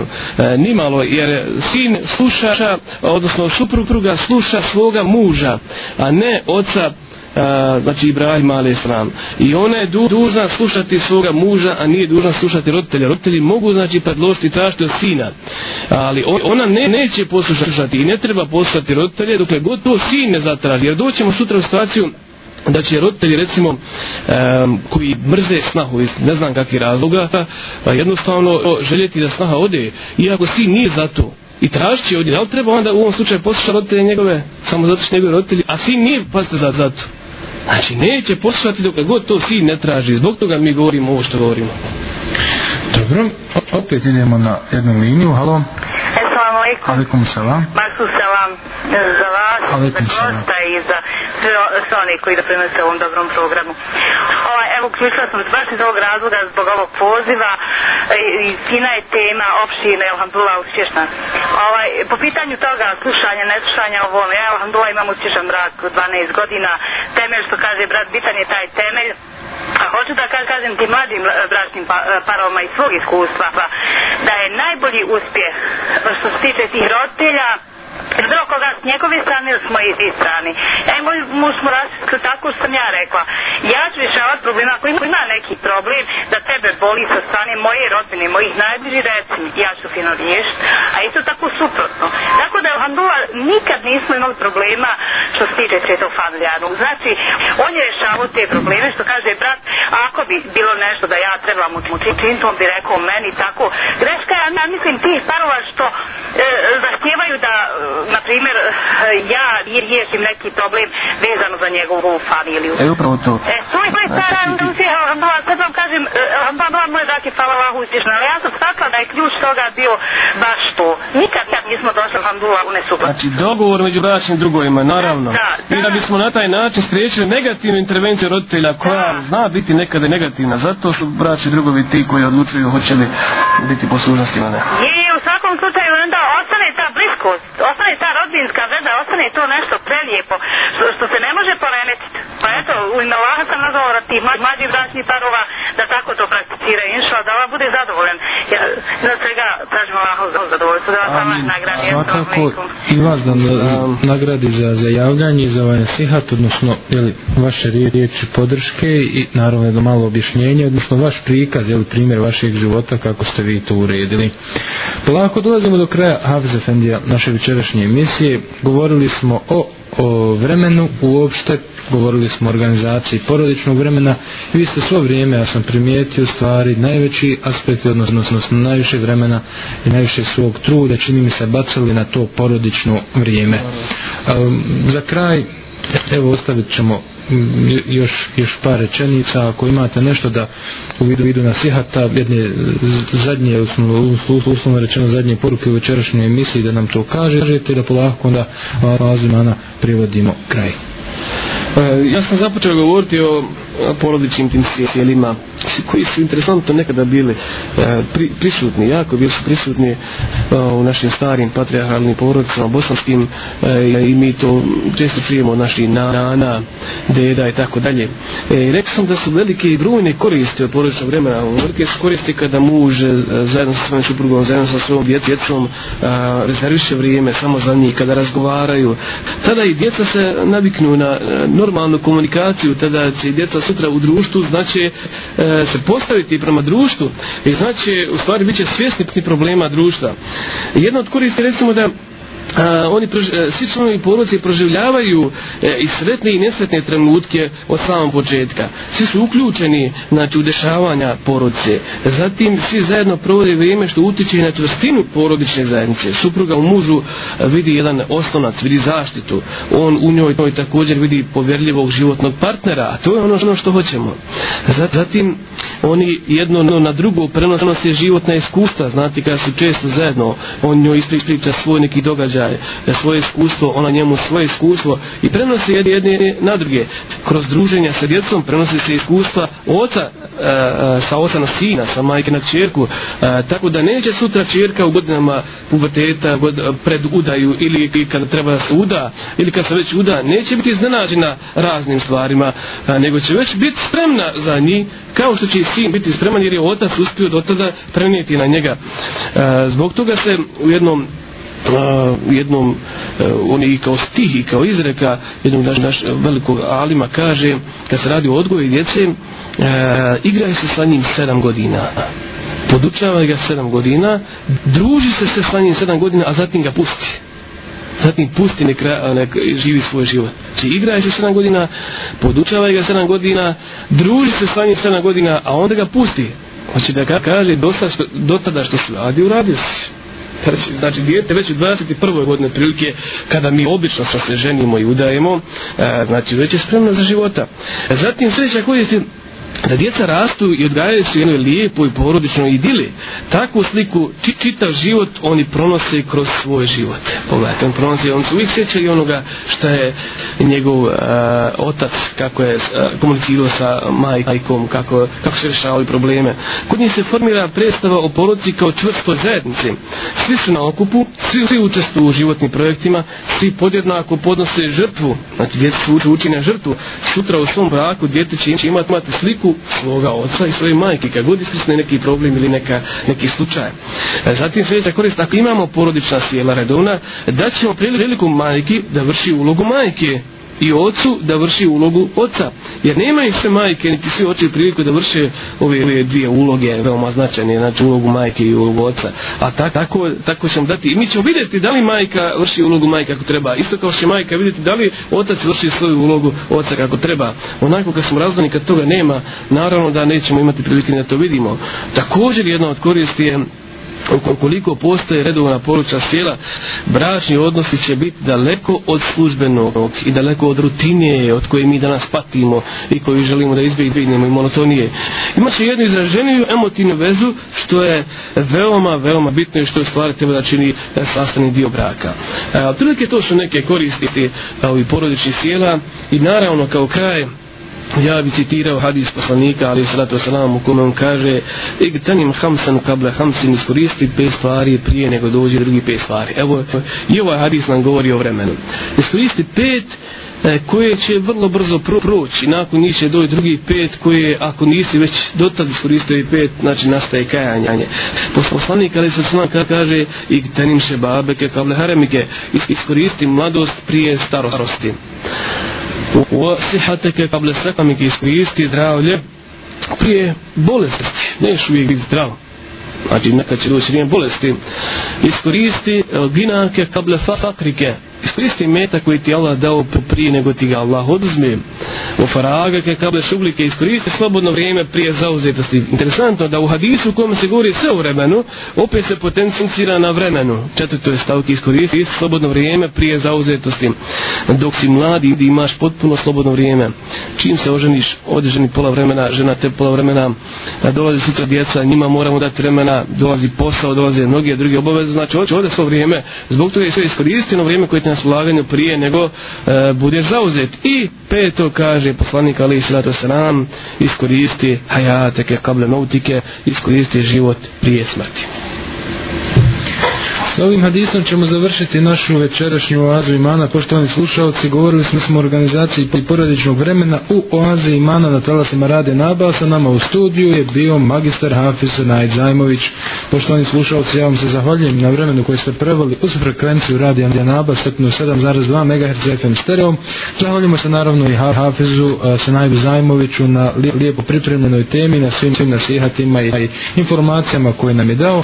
Naravno, do sljedeće oaze imana imana do sljedeće aktualne teme a takve su samo oaze imana Ana, ostajte nam živi, zdravi i naravno potrudite se da vaše vrijeme ne bude uzelo potrošeno i da bude dobro organizirano Hauze Fendija i poštovani slušalci Assalamu alaikum wa rahmatullahi wa barakatuh Alaikum salam wa rahmatullahi wa barakatuh